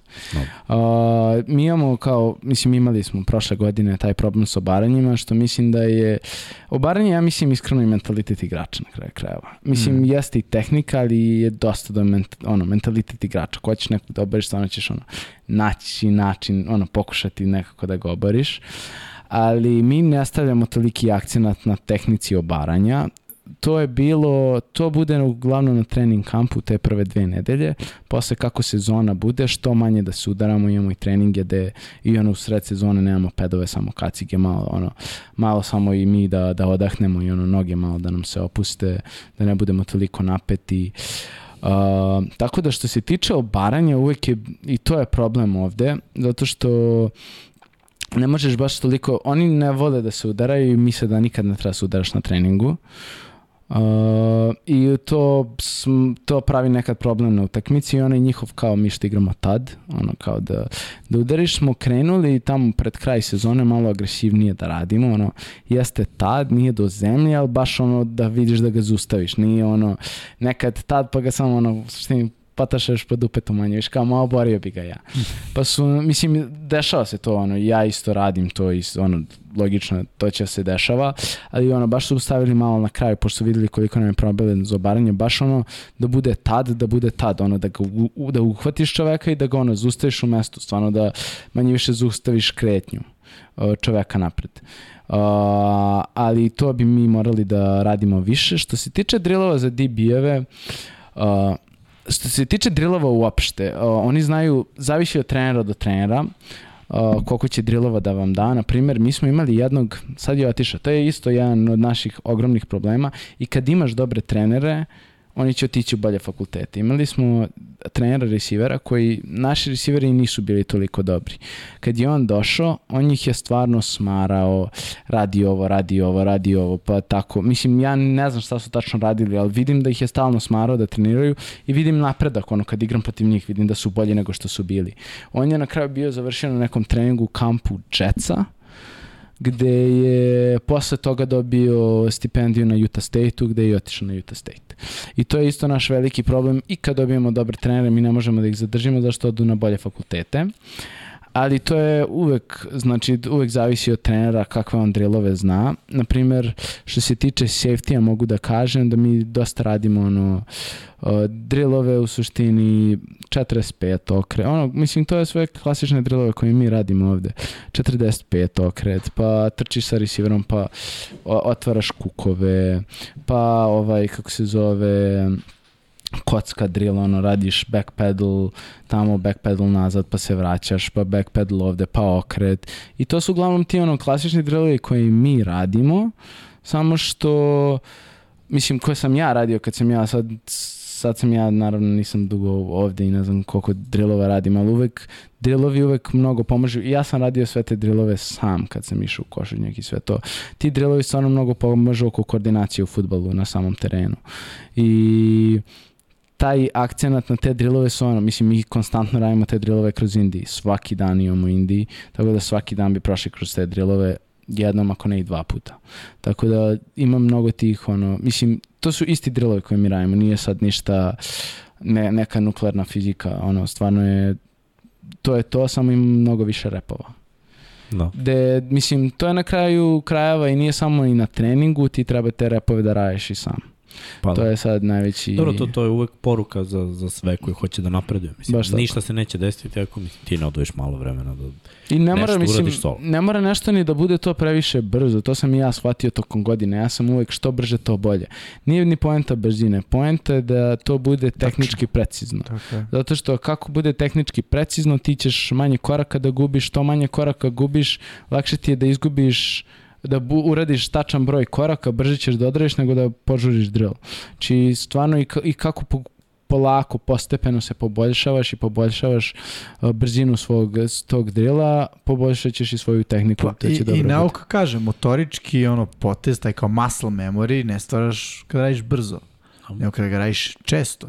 I što više radiš, brzina se poveća. Mislim, kao i sve u životu, ono, kad si počeo voziš bajs, vozio si polako i gledao si u točak. Sad više ne gledaš u točak i voziš koliko hoćeš. Bez ruku. pa dobro sad. K koliko ko može da uradi, da. Ali da, slažem se, ja često tako igračima, pogotovo kad sam radio sa, sa mlađim kategorijama, uvijek ispričam taj jedan vic koji sam ja čuo koji je super vic. I ko, a može se poveže s time. Kad je čovjek kao došao na razgovor za posao i stavio kao jednu od specijalnosti kao umem brzo da računam. I ovaj čovjek koji intervjuiš i kaže, vin kao da piše da umete brzo da računate. Kaže, da, da, da, pa ajde kao da testiramo, ne znam, 6 puta 12, kaže, 10. Kaže, pa to nije tačno, ali je brzo. Tako da, ovaj, to isto to. Meni ništa ne znači kada on uzme drill i uradi pa, pa, pa, pa brzo. A promaši sve što treba da, da. što treba da uradi promaši. Ne treba im brzo. Da, da. Treba mi tačno. Kad da. budeš radio dobro, kad se budeš osjećao konforno, onda ubaciš u drugu brzinu, pa u treću, pa u četvrtu, pa u petu. Ja, ja sam, sam uvijek smarao receivere, znaš, svako je individualno drugačiji. Nije mojih pet koraka ista jardaža kod nečih drugih pet koraka. Ti za sebe mora da znaš koliko koja ruta ima tvojih koraka i svaki korak viška koji napraviš, kasniš pola sekunde na loptu. I to je veliki problem. Naročito kad uzmemo u obzir on, online. Mislim, sa ofenzivne strane ti zavisiš od 10 faktora od snepa, od protekcije, da, da. od quarterbacka i sad zamisli svi one ore kako treba i ti Burazeru se okrećeš ko kamion tri dana, brate. On, nema vremena da praviš pet koraka, brate. Skreni, trči, daj gas. Uh, ajde, ljudi, pucite, dajte neka pitanja za, Piti za Teodora, da, dajte pitanja i za nas, a mi ćemo da čavrljamo i dalje dok, dok ta pitanja dolaze. Vidimo ovde, navalili ste, brate, sa pričom za arenu i, i sa NFL-om, ovaj, što, ono što ja znam nije neizbegavan Uh, odgovor, koliko sam čuo, da, postoji ovaj priča da, da NFL ide na arenu. Koliko je ali mi imamo ovu sezonu. A, znači, da je ovo, kanal. Da, da, da, da, je ovo, da je ovo poslednja sezona na, na sport klubu. Mi u paketu kao sport klub, da, imamo još samo ovu sezonu, to svi znamo godinama, ja to pričam. Mislim, već dve godine smo znali da, da će ovo biti poslednja. Nakon toga ide ponuda, nakon ponude mislim, ko da više para, da, tamo ide, mislim, a recept u principu sami znate za ove druge lige ko je dao više para jel te? Tako da, ono, to, to je priča e, za sada koju mi znamo, koju prenosim, ne izbegavam ništa, mislim, nemojte shvatiti pogrešno, ono, mi volimo NFL, da. Infinity Lighthouse je nezavisna firma. tako da, ne, ja hoću da kažem, stvarno ne uvek, znamo da. ništa, mislim, ovo što je Miksa rekao, to je sve što se, ono što je, su fakti, to je ovo a, do kada traje ugovor. Šta se dešava posle, mi ne znamo, mislim. Vidjet ćete billboarde, ono, otko da. znam, mislim, vidjet ćemo i mi, mislim, da. kogod se bude oglašavao. Mislim, pazi, ja se sećam kad, kad je NBA, ovaj, pošto sam radio NBA, mi smo saznali da NBA ide sa sport kluba duboko u play-off. Znači, ja, Spasovski, ja, kraj. Spasovski, ja, Luka smo rokali, ono, svaki dan tekmu i samo se jednom pojavila priča, e, ono, NBA ide, kao kad se završi ovo, ovo finale i, i, i to je to. A, a mi smo čak radili draft te godine. Mislim da smo Srki ja radili draft. Zato što to je kao Game Pass, znaš. Da, ti ga kupiš i, draft, i on da. ti traje do, bukvalno do, do avgusta, do trening kampa. Kada kreće trening kamp, doviđenja, plati novih 200. da. Tako da ono, imamo i draft. ja, pa kao. Ja, da vidim loading, ali pitanja se nešto ne učitavaju, dobro. Čekaj da idem malo gore. Generalno nije bilo puno pitanja do da. sada, uh, kad smo ovo radili. Mm, Pa da, uglavnom neke priče o tome gde može da se gleda NFL za Game Pass, ovo, ono, ali to, to ste, mislim, sve sami odgovorili. Ja ovaj, na te druge sajtove stvarno ne idem od kad imam taj Game Pass, meni je to najbolje rešenje. Kaže, Marko Hector, ajde da doniramo Patreon i sve da pomognemo Sport Club. Ja, jedino ako nam Vučko bude Patreon. The Bomb? Um, da, ne znam, nemamo informacije, mislim, realno nemamo. Ali da, ajde ako imate neka pitanja, uf, sad si baš u najgorem trenutku prošao. Da, da. ovaj, ako imate neka pitanja za nas ili za, za Tiodora, pucajte ovaj, šta znam, desetak minuta pa da, nam. Pa da, to je to. Da vidimo šta je kako. Ovaj, da, ljudi te hvale ovde, znaš, ba, baš imaš priču. Evo, Alex kaže da priča je sjajna, potpuno drugačija od Milanovića, sjajna za motivaciju mladim momcima da ne odustaju, da budu uporni, da su čuda moguće, jer je priča zaista čudo i stvarno ovaj, nisam je znao prošli put kad si došao, mislim, popričali smo pet minuta, nisam uopšte znao, znao, znao sam da ideš na neki koleđ, mm. nisam znao šta si proživao godinu dana pre nego što si trebao da odeš na koleđ. Nije, ja mislim, meni, mislim, do, lepa je priča, ali ja stvarno smatram da priča nije kompletna dok se ne završi, tako da, mislim, mi možemo pričamo sve to lepo i sve to, mislim, i, i ja volim svoju priču i šta god i naučila me kroz život, sve, ali dok se priča ne završi, ona nije kompletna priča, ja hoću da bude ta priča kompletna i onda ćemo, onda posle možemo i da pijemo, da se zezamo no. i sve. Dok priča nije kompletna, nije kompletna. O, dobro, još malo, ej. Još pazi ove dve godine, baš jedva čekam. Uh, pitate Marko Hektor u koju bi hteo da odeš NFL ekipu koja ti se najviše sviđa po odbrani. Uh. Gledaj da vam kažem ovo, bilo koju, ali koja ti se najviše sviđa po odbrani. Da se razumemo sad. Mm, što se tiče futbala, baš NFL-a, krenuo sam da imam to ono kako zove ljudi profesionalnu deformaciju, ga, stvarno ja gledam NFL, ja uopšte ne gledam, mislim, gledam futbal, ali gledam šta radi safety, gledam šta radi ovaj, zašto radi to, pa gledam koji odbranu igraju. Stvarno, mislim, ja shvatam, a nisam ušao nešto u playbook je timova da sad kažem po odbrani koja mi se sviđa. Mislim, moj omiljeni tim je Pittsburgh Steelersi, pa bi rekao Pittsburgh Steelersi. Ugasi ga to. Ali, uh, mislim, stvarno ima, jedino što znam ko igra Miami dosta igra man coverage. Meni uvek odgovarao man coverage da se igra. Mislim zašto sam bio corner mnogo i onda mi je man coverage veoma uh, prirodan da igram. Ali svaki tim koji igra man coverage meni stvarno odgovara, zato što i mi kad smo u jednom delu sezone imali smo sad anegdotu, pošto smo imali kao formacije, imali smo uh, CFL, NFL tim i ubacili smo SFL. SFL je bio Slav Football League, da sam ja ulazio na tog nickel uh, safety, a to je bila, ja mislim, baš peta utakmicu pre nego što sam trebao da startujem. I bukvalno smo, ono, kao ta formacija smo igrali gde smo ne, gde bi uglavnom igrali man coverage mm -hmm. i gde bi ja stao na nikla i igrao jedan na jedan sa tim slot receiverom i tako da kogod igra man coverage meni stvarno to odgovara ali mislim na kraju krajeva ja sve igram tako da Pa da, pa dobro, gledaj, pro, prošao si svašta, znači od, od kornera preko safety-a, Nikla, probao malo i, i na Semu, mm -hmm. tako da ono, iskustvo ti je sve bogatije i bogatije, mm -hmm. a mhm. mislim, još imaš godina da, da odigraš, da, da još obogatiš to iskustvo. Uh, šta znači to da si u D2, šta se može dalje, koji ti je sledeći cilj? Mi imamo, evo, kako se zove, mi imamo jednog... Uh, igrač, igrao je ofenzivnog tekla ove godine. Bio je, nije bio draftovan ili bio potpisan kao, bez, kao free agent, no. Da. bio potpisan Denver Broncos. I, uh, mislim, ono, igrao sam sa njim. Uh, on je bio, bukvalno išao na trening kamp na NDSU, kako se zove, ne na trening kamp, nego na ovaj, kamp, u mhm, suštini mm -hmm. combine na NDSU, da su ga gledali, gde je stvarno ono, bila je priča. Nama su, na svakom treningu je bio neki drugi, Scout. da li, da, da li je došao iz Dallas Cowboysa, da li je došao iz San Francisco, da li je došao iz Cowboysa, stvarno na svakom treningu su nama nalazi, kako se zove, rekrut, koji bi bukvalno stajao na sideline i gledao ono u suštini šta se dešava. Tako da, zato što je on bio prospekt da ode u NFL i otišao je, otišao je u Denver Broncos. Iz D2. Uh, iz D2. Tako da, mislim, to je sledeći korak, mislim, nema ništa više. Dobro. Uh, eto, to je sledeći cilj. Uh, pitanje za tija, da li razmišljaš o transferu, koliko je to realno i kako se dolazi do toga? Mm, da, to je veoma interesantna, kako se zove, anegdota, zato što ako prelaziš iz D2 u D1, ti gubiš jednu godinu eligibility Tako da ako bi se transferao na D2 college, ako bi se na D1 college, to mi ne bi možda i značilo, pošto bi, možda i bi, zašto imam jednu godinu da završim, ali...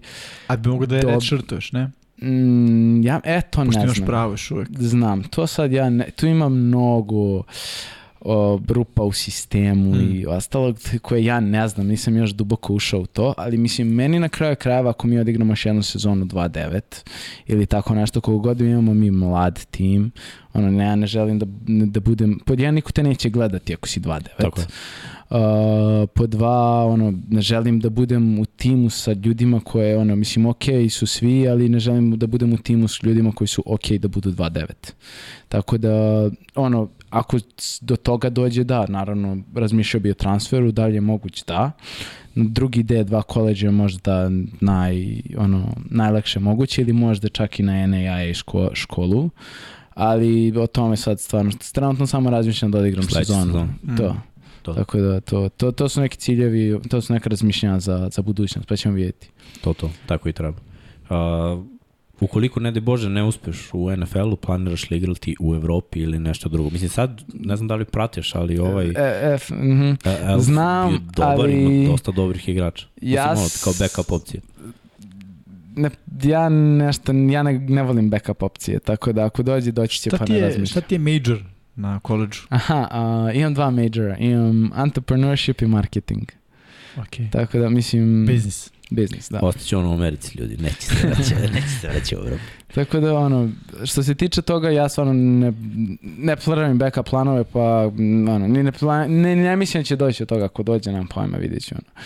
Živ, mislim, interesantan život, to sam shvatio kroz celu moju priču, jel te? Tako da, bit će to sve okej. Okay. Kuca na vrata evropski timu. Da, da. Dobro, Anja, doš.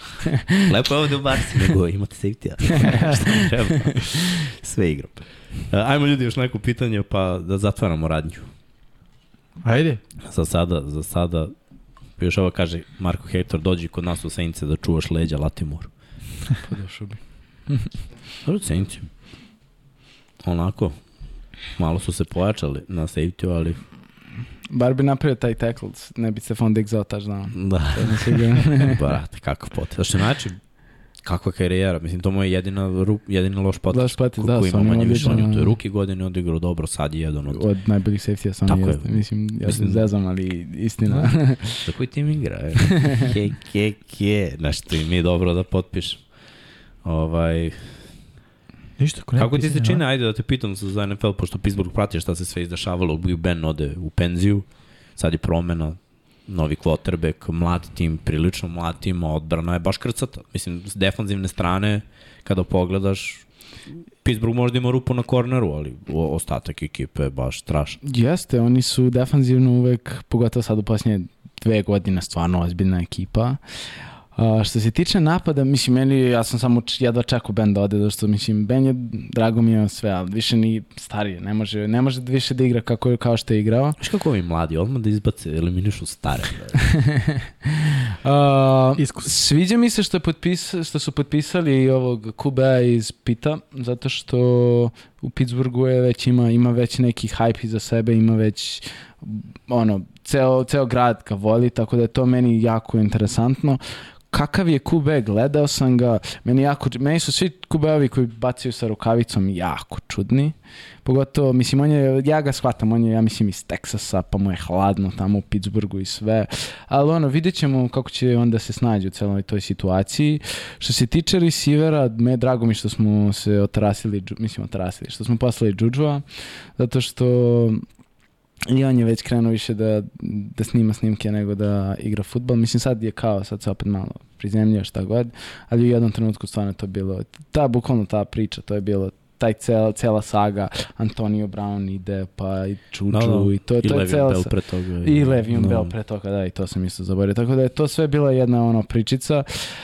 Tako da, ne znam, bit će jako interesantno. Ja stvarno mislim, uh, mislim imamo dobre, imamo veoma solidne resivere koji mogu dobro da, da hvataju loptu, running backa imamo na Jai Harrisa koje je stvarno... Just. Blitz. Prošle godine baš izneo. Tako vrhunski. da biće, biće interesantno online. Um, ne znam ni kako smo tačno. Mi mislim, nismo tanki, ali nismo najbolji. Sad, no, sad, sad se pojačalo bolje. No. To. Tako da vidi, vidit ćemo kako će to sve da uđe kompletno kao tim. Pa ćemo vidjeti kako... Da. Ni, Tomlin je to, nikad nije imao losing season, tako da svakako ne očekujem da će Misliš imati da je to više do njega ili do Big Bena? Do njega. Do njega. Mislim do obojice, naravno, do hemije, koju, do hemije koju oni imaju, ali na kraju krajeva i kad je Ben bio povređen, oni daju pobeđivu utakmicu.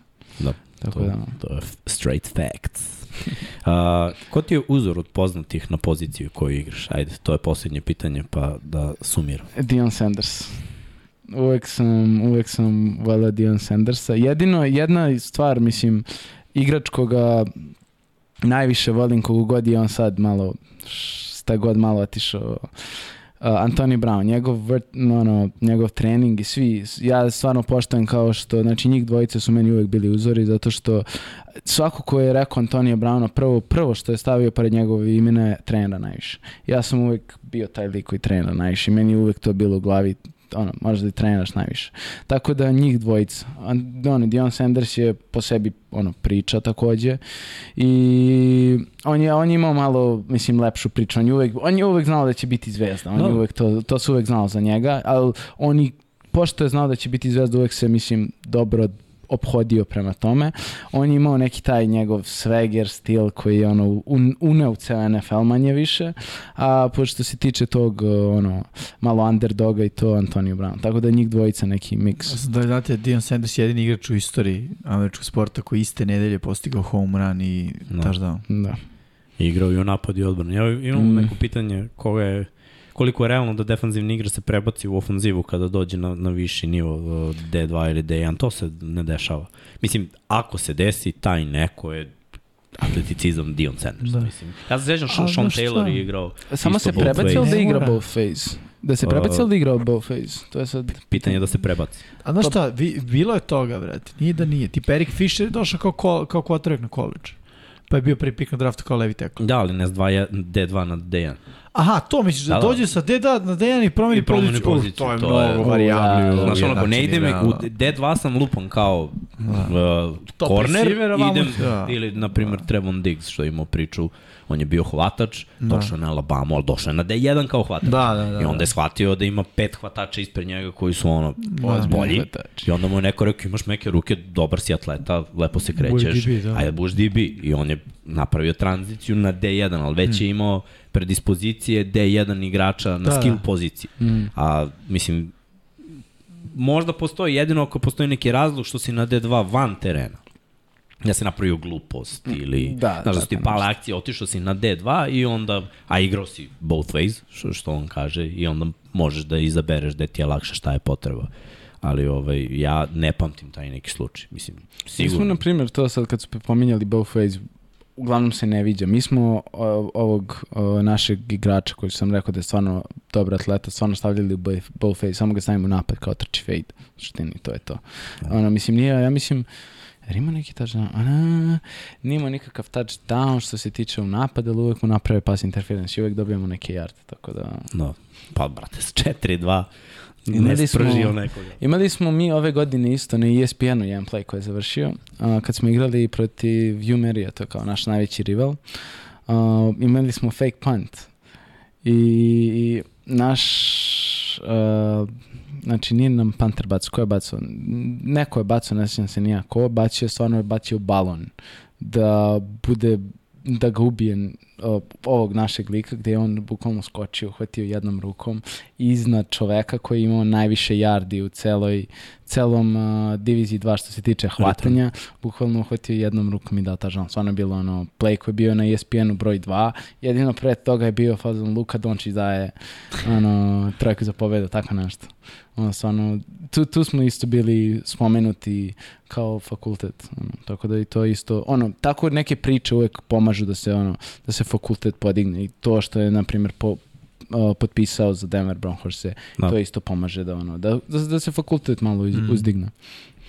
Imaš pohvale, že svaka čast za gosta, super momak. Uh, Da, imamo pitanje, pa eto na početku kako je nastala ljubav prema američkom futbolu. Došao dečko na trening, to je bilo to. Znaš tako. Sva sre, sa srećom u nastavku karijere. Pa eto i mi da, da, ovaj, da privodimo kraju. Hvala što si bio. Hvala što sam Hvala ti. Odvo, odvojio si svoje vreme da dođeš malo da nam ispričaš ovo i eto mi već nekih dva meseca sada imamo ovaj fazon, pošto ono, malo je dešavanje u NFL-u, kao da ne bi se glupirali, pričali, ono, igrali igrice ovde, kao ajde da, da približimo ljudima kako je to s momcima sa ovih prostora. I mislim, imali smo i Amerikanca Rajana koji igrao kao import, pa onda nam približi kako je to kad si tamo, na domaćem mm -hmm. terenu, kad igraš na koleđu, ali mene više raduju priče uh, momaka koji su sa ovih prostora, za, zato što, mislim, on, počeo sam da treniram mlađe selekcije da bi ih slao Ameriku, ne, ne da bi ono ostali ovde, nego da, da se ostvare maksimalno. Drago mi je što si na putu da to uradiš, da ostvariš svoje ciljeve. I ono, brate, sophomore sezon. Let's go! Samo jako. Kako bi rekao Alex, nema spavanja. ovaj, a što se vas tiče, hvala, eto vidim sad 121 u live-u, to je, Bravo. to je okej, okay. vidim ima i 100, oko 100 lajkova, dobro, to je to. lepo. Uh, još jednom da, da se zahvalim manje, imamo video za, za, za Patreon. Ajde da, da spremimo video za Patreon, da, da ne bi slušali. Još jednom hvala svima koji ste uh, naši članovi, ste tioničari, hvala svima koji nas podržavate preko Patreona. Uh, uskoro počinje predsezona, tako da ćemo veći fokus baciti na NFL, tad već možemo da pričamo ko je dobio koliko minutaže, koji igru, gde očekujemo celu ovu mm. uh, rookie i sophomore uh, klasu da igra što je više moguće, tako da ćemo moći malo tu da kritikujemo, da pričamo. A i, I mislim, power ranking. Da, mm. da, spremamo power ranking i mislim, šta je, evo gledaj, dve nedelje, avgust. Da, da. Šta je mesec dana, mislim, te, te, te tri nedelje pre sezone proći će ovako i ve, već očekujemo taj kick-off i, i, i prvu utakmicu. A ono prvo što ide u direktnom prenosu sigurno jeste ta Hall of Fame utakmica koju radimo svake godine. Pa eto da, da, da najavim i to najavit ću i sledeće nedelje. Uh, Jaguars i protiv Raidersa, to je uh, Hall of Fame meč, igra se u noći između četvrtka i petka u 2 sata i tu se indukuje uh, ova klasa Hall of Fame igrača. Znači, a to su u principu sad sve igrači koje smo mi počeli da pratimo ovde, da. ono, 2000, manje više, velika većina, 70% uvek je tih igrača koje smo mi gledali, tako da ajde, ajde da ih ispuštamo, da ih ispratimo uh, u kuću slavnih svi zajedno. Tebi još jednom hvala. hvala a do sledećeg petka ostanite da Infinity Lighthouse Studio. Prijetno. Poseban pozdrav za naše pokrovitelje na Patreonu, patreon.com kroz Infinity Lighthouse, a naši pokrovitelji su Sava, Toni Ruščić, Ruščić, Mario Vidović, Ivan Toškov, Stefan Dulić, Marko Bogovac, Ozren Prpić, Marko Mostarac, Nikola Grujičić, Aleksa Vuče, Zolta Mezej, Zoran Šalamun, Miloš Banduka, Laslo Boroš, Đorđe Radović, Ivan Simeunović, Mihajlo Krković, Grgo Živoljić, Nikola Božinović, Monika Erceg, Omer Kovačević, Filip Banovački, Miroslav Vučinić, Predrag Simić, Žorž, Stefan Vidić, Mlađan Antić, Jelena Mak, Mladen Krstić, Marko Ćurčić, Milan Nešković, Ivan Maksimović, Bojan Mijatović, Petar Elić, Stefan Prijević, Nenad Simić, Luka Savović, Andrej Božo, Boris Gvozden, Boris Golubar, Zorana Vidić, Luka Manitašević, Ljubo Đurović, Borko Božunović, Đorđe Andrić, Aleksandar Gošić, Mirjana Živković, Nemanja Miloradović, Miloš Vuletić, Vukašin Vučenović, Zoran Cimesa, Miroslav Cvetić, Marina Mihajlović, Veselin Vukićević, Jelena Jeremić, Antonio Novak, Stefan Milošević, Nikola Stojanović, Jasenko Samarđić, Mihovil Stamičar, Stefan Nedeljković, Zoran Majdov, Josip Kovačić, Lazar Pejević, Benjamin Na, Nemanja Jeremić, da žena ne sazna, Boris Kunžić, Tijena Vidanović, Stefan Ličina, Aleks Aleksandar Antonović, Dejan Vujović, Nemanja Zagorac, Đole Bronkos, Aleksa Jelić, Aca Vizla, Igor Vukčević, Đole Žena mi zna, Branko Bisački, Nena Đorđević, Vukašin Jekić, Aleksandar M, Žarko Milić, Dejan Đokić, Bojan Markov, Ertan Prelić, Igor Gašparović, Alen Stojčić, Depressed Cody Garbrandt fan, Strahinja Banović, Aleksandar Jurić, Vladimir Filipović, Branislav Marković, Vanja Radulović, Đorđe Đukić, Miloš Todorov, Žarko Milić, Emir Mesić, Stefan Stanković, Dušan Ristić, Vladimir Petković, Pavle Njemec, Jovan Đodan, Boris Ercek, Katarina, Ivan Ciger, Andrej Bicok, Mlade Mladenović, Dimitrije Mišić, Bakter Abturmanov, Andreja Branković, Nebojša Živanović, Jugoslav Krasnić, Nenad Pantelić, Vladan Vlada Ivanović, Stefan Janković, Aleksandar Banovac, Miloš Radosavljević, LFC, Borislav Jovanović i Andrej Milda, Miladinović plus 26 tajnih pokrovitelja. Hvala vam puni ljudi na, na još jednom idite na patreon.com kroz Infinity Lighthouse i veliki pozdrav iz studija na kraju univerzuma. Pozdrav.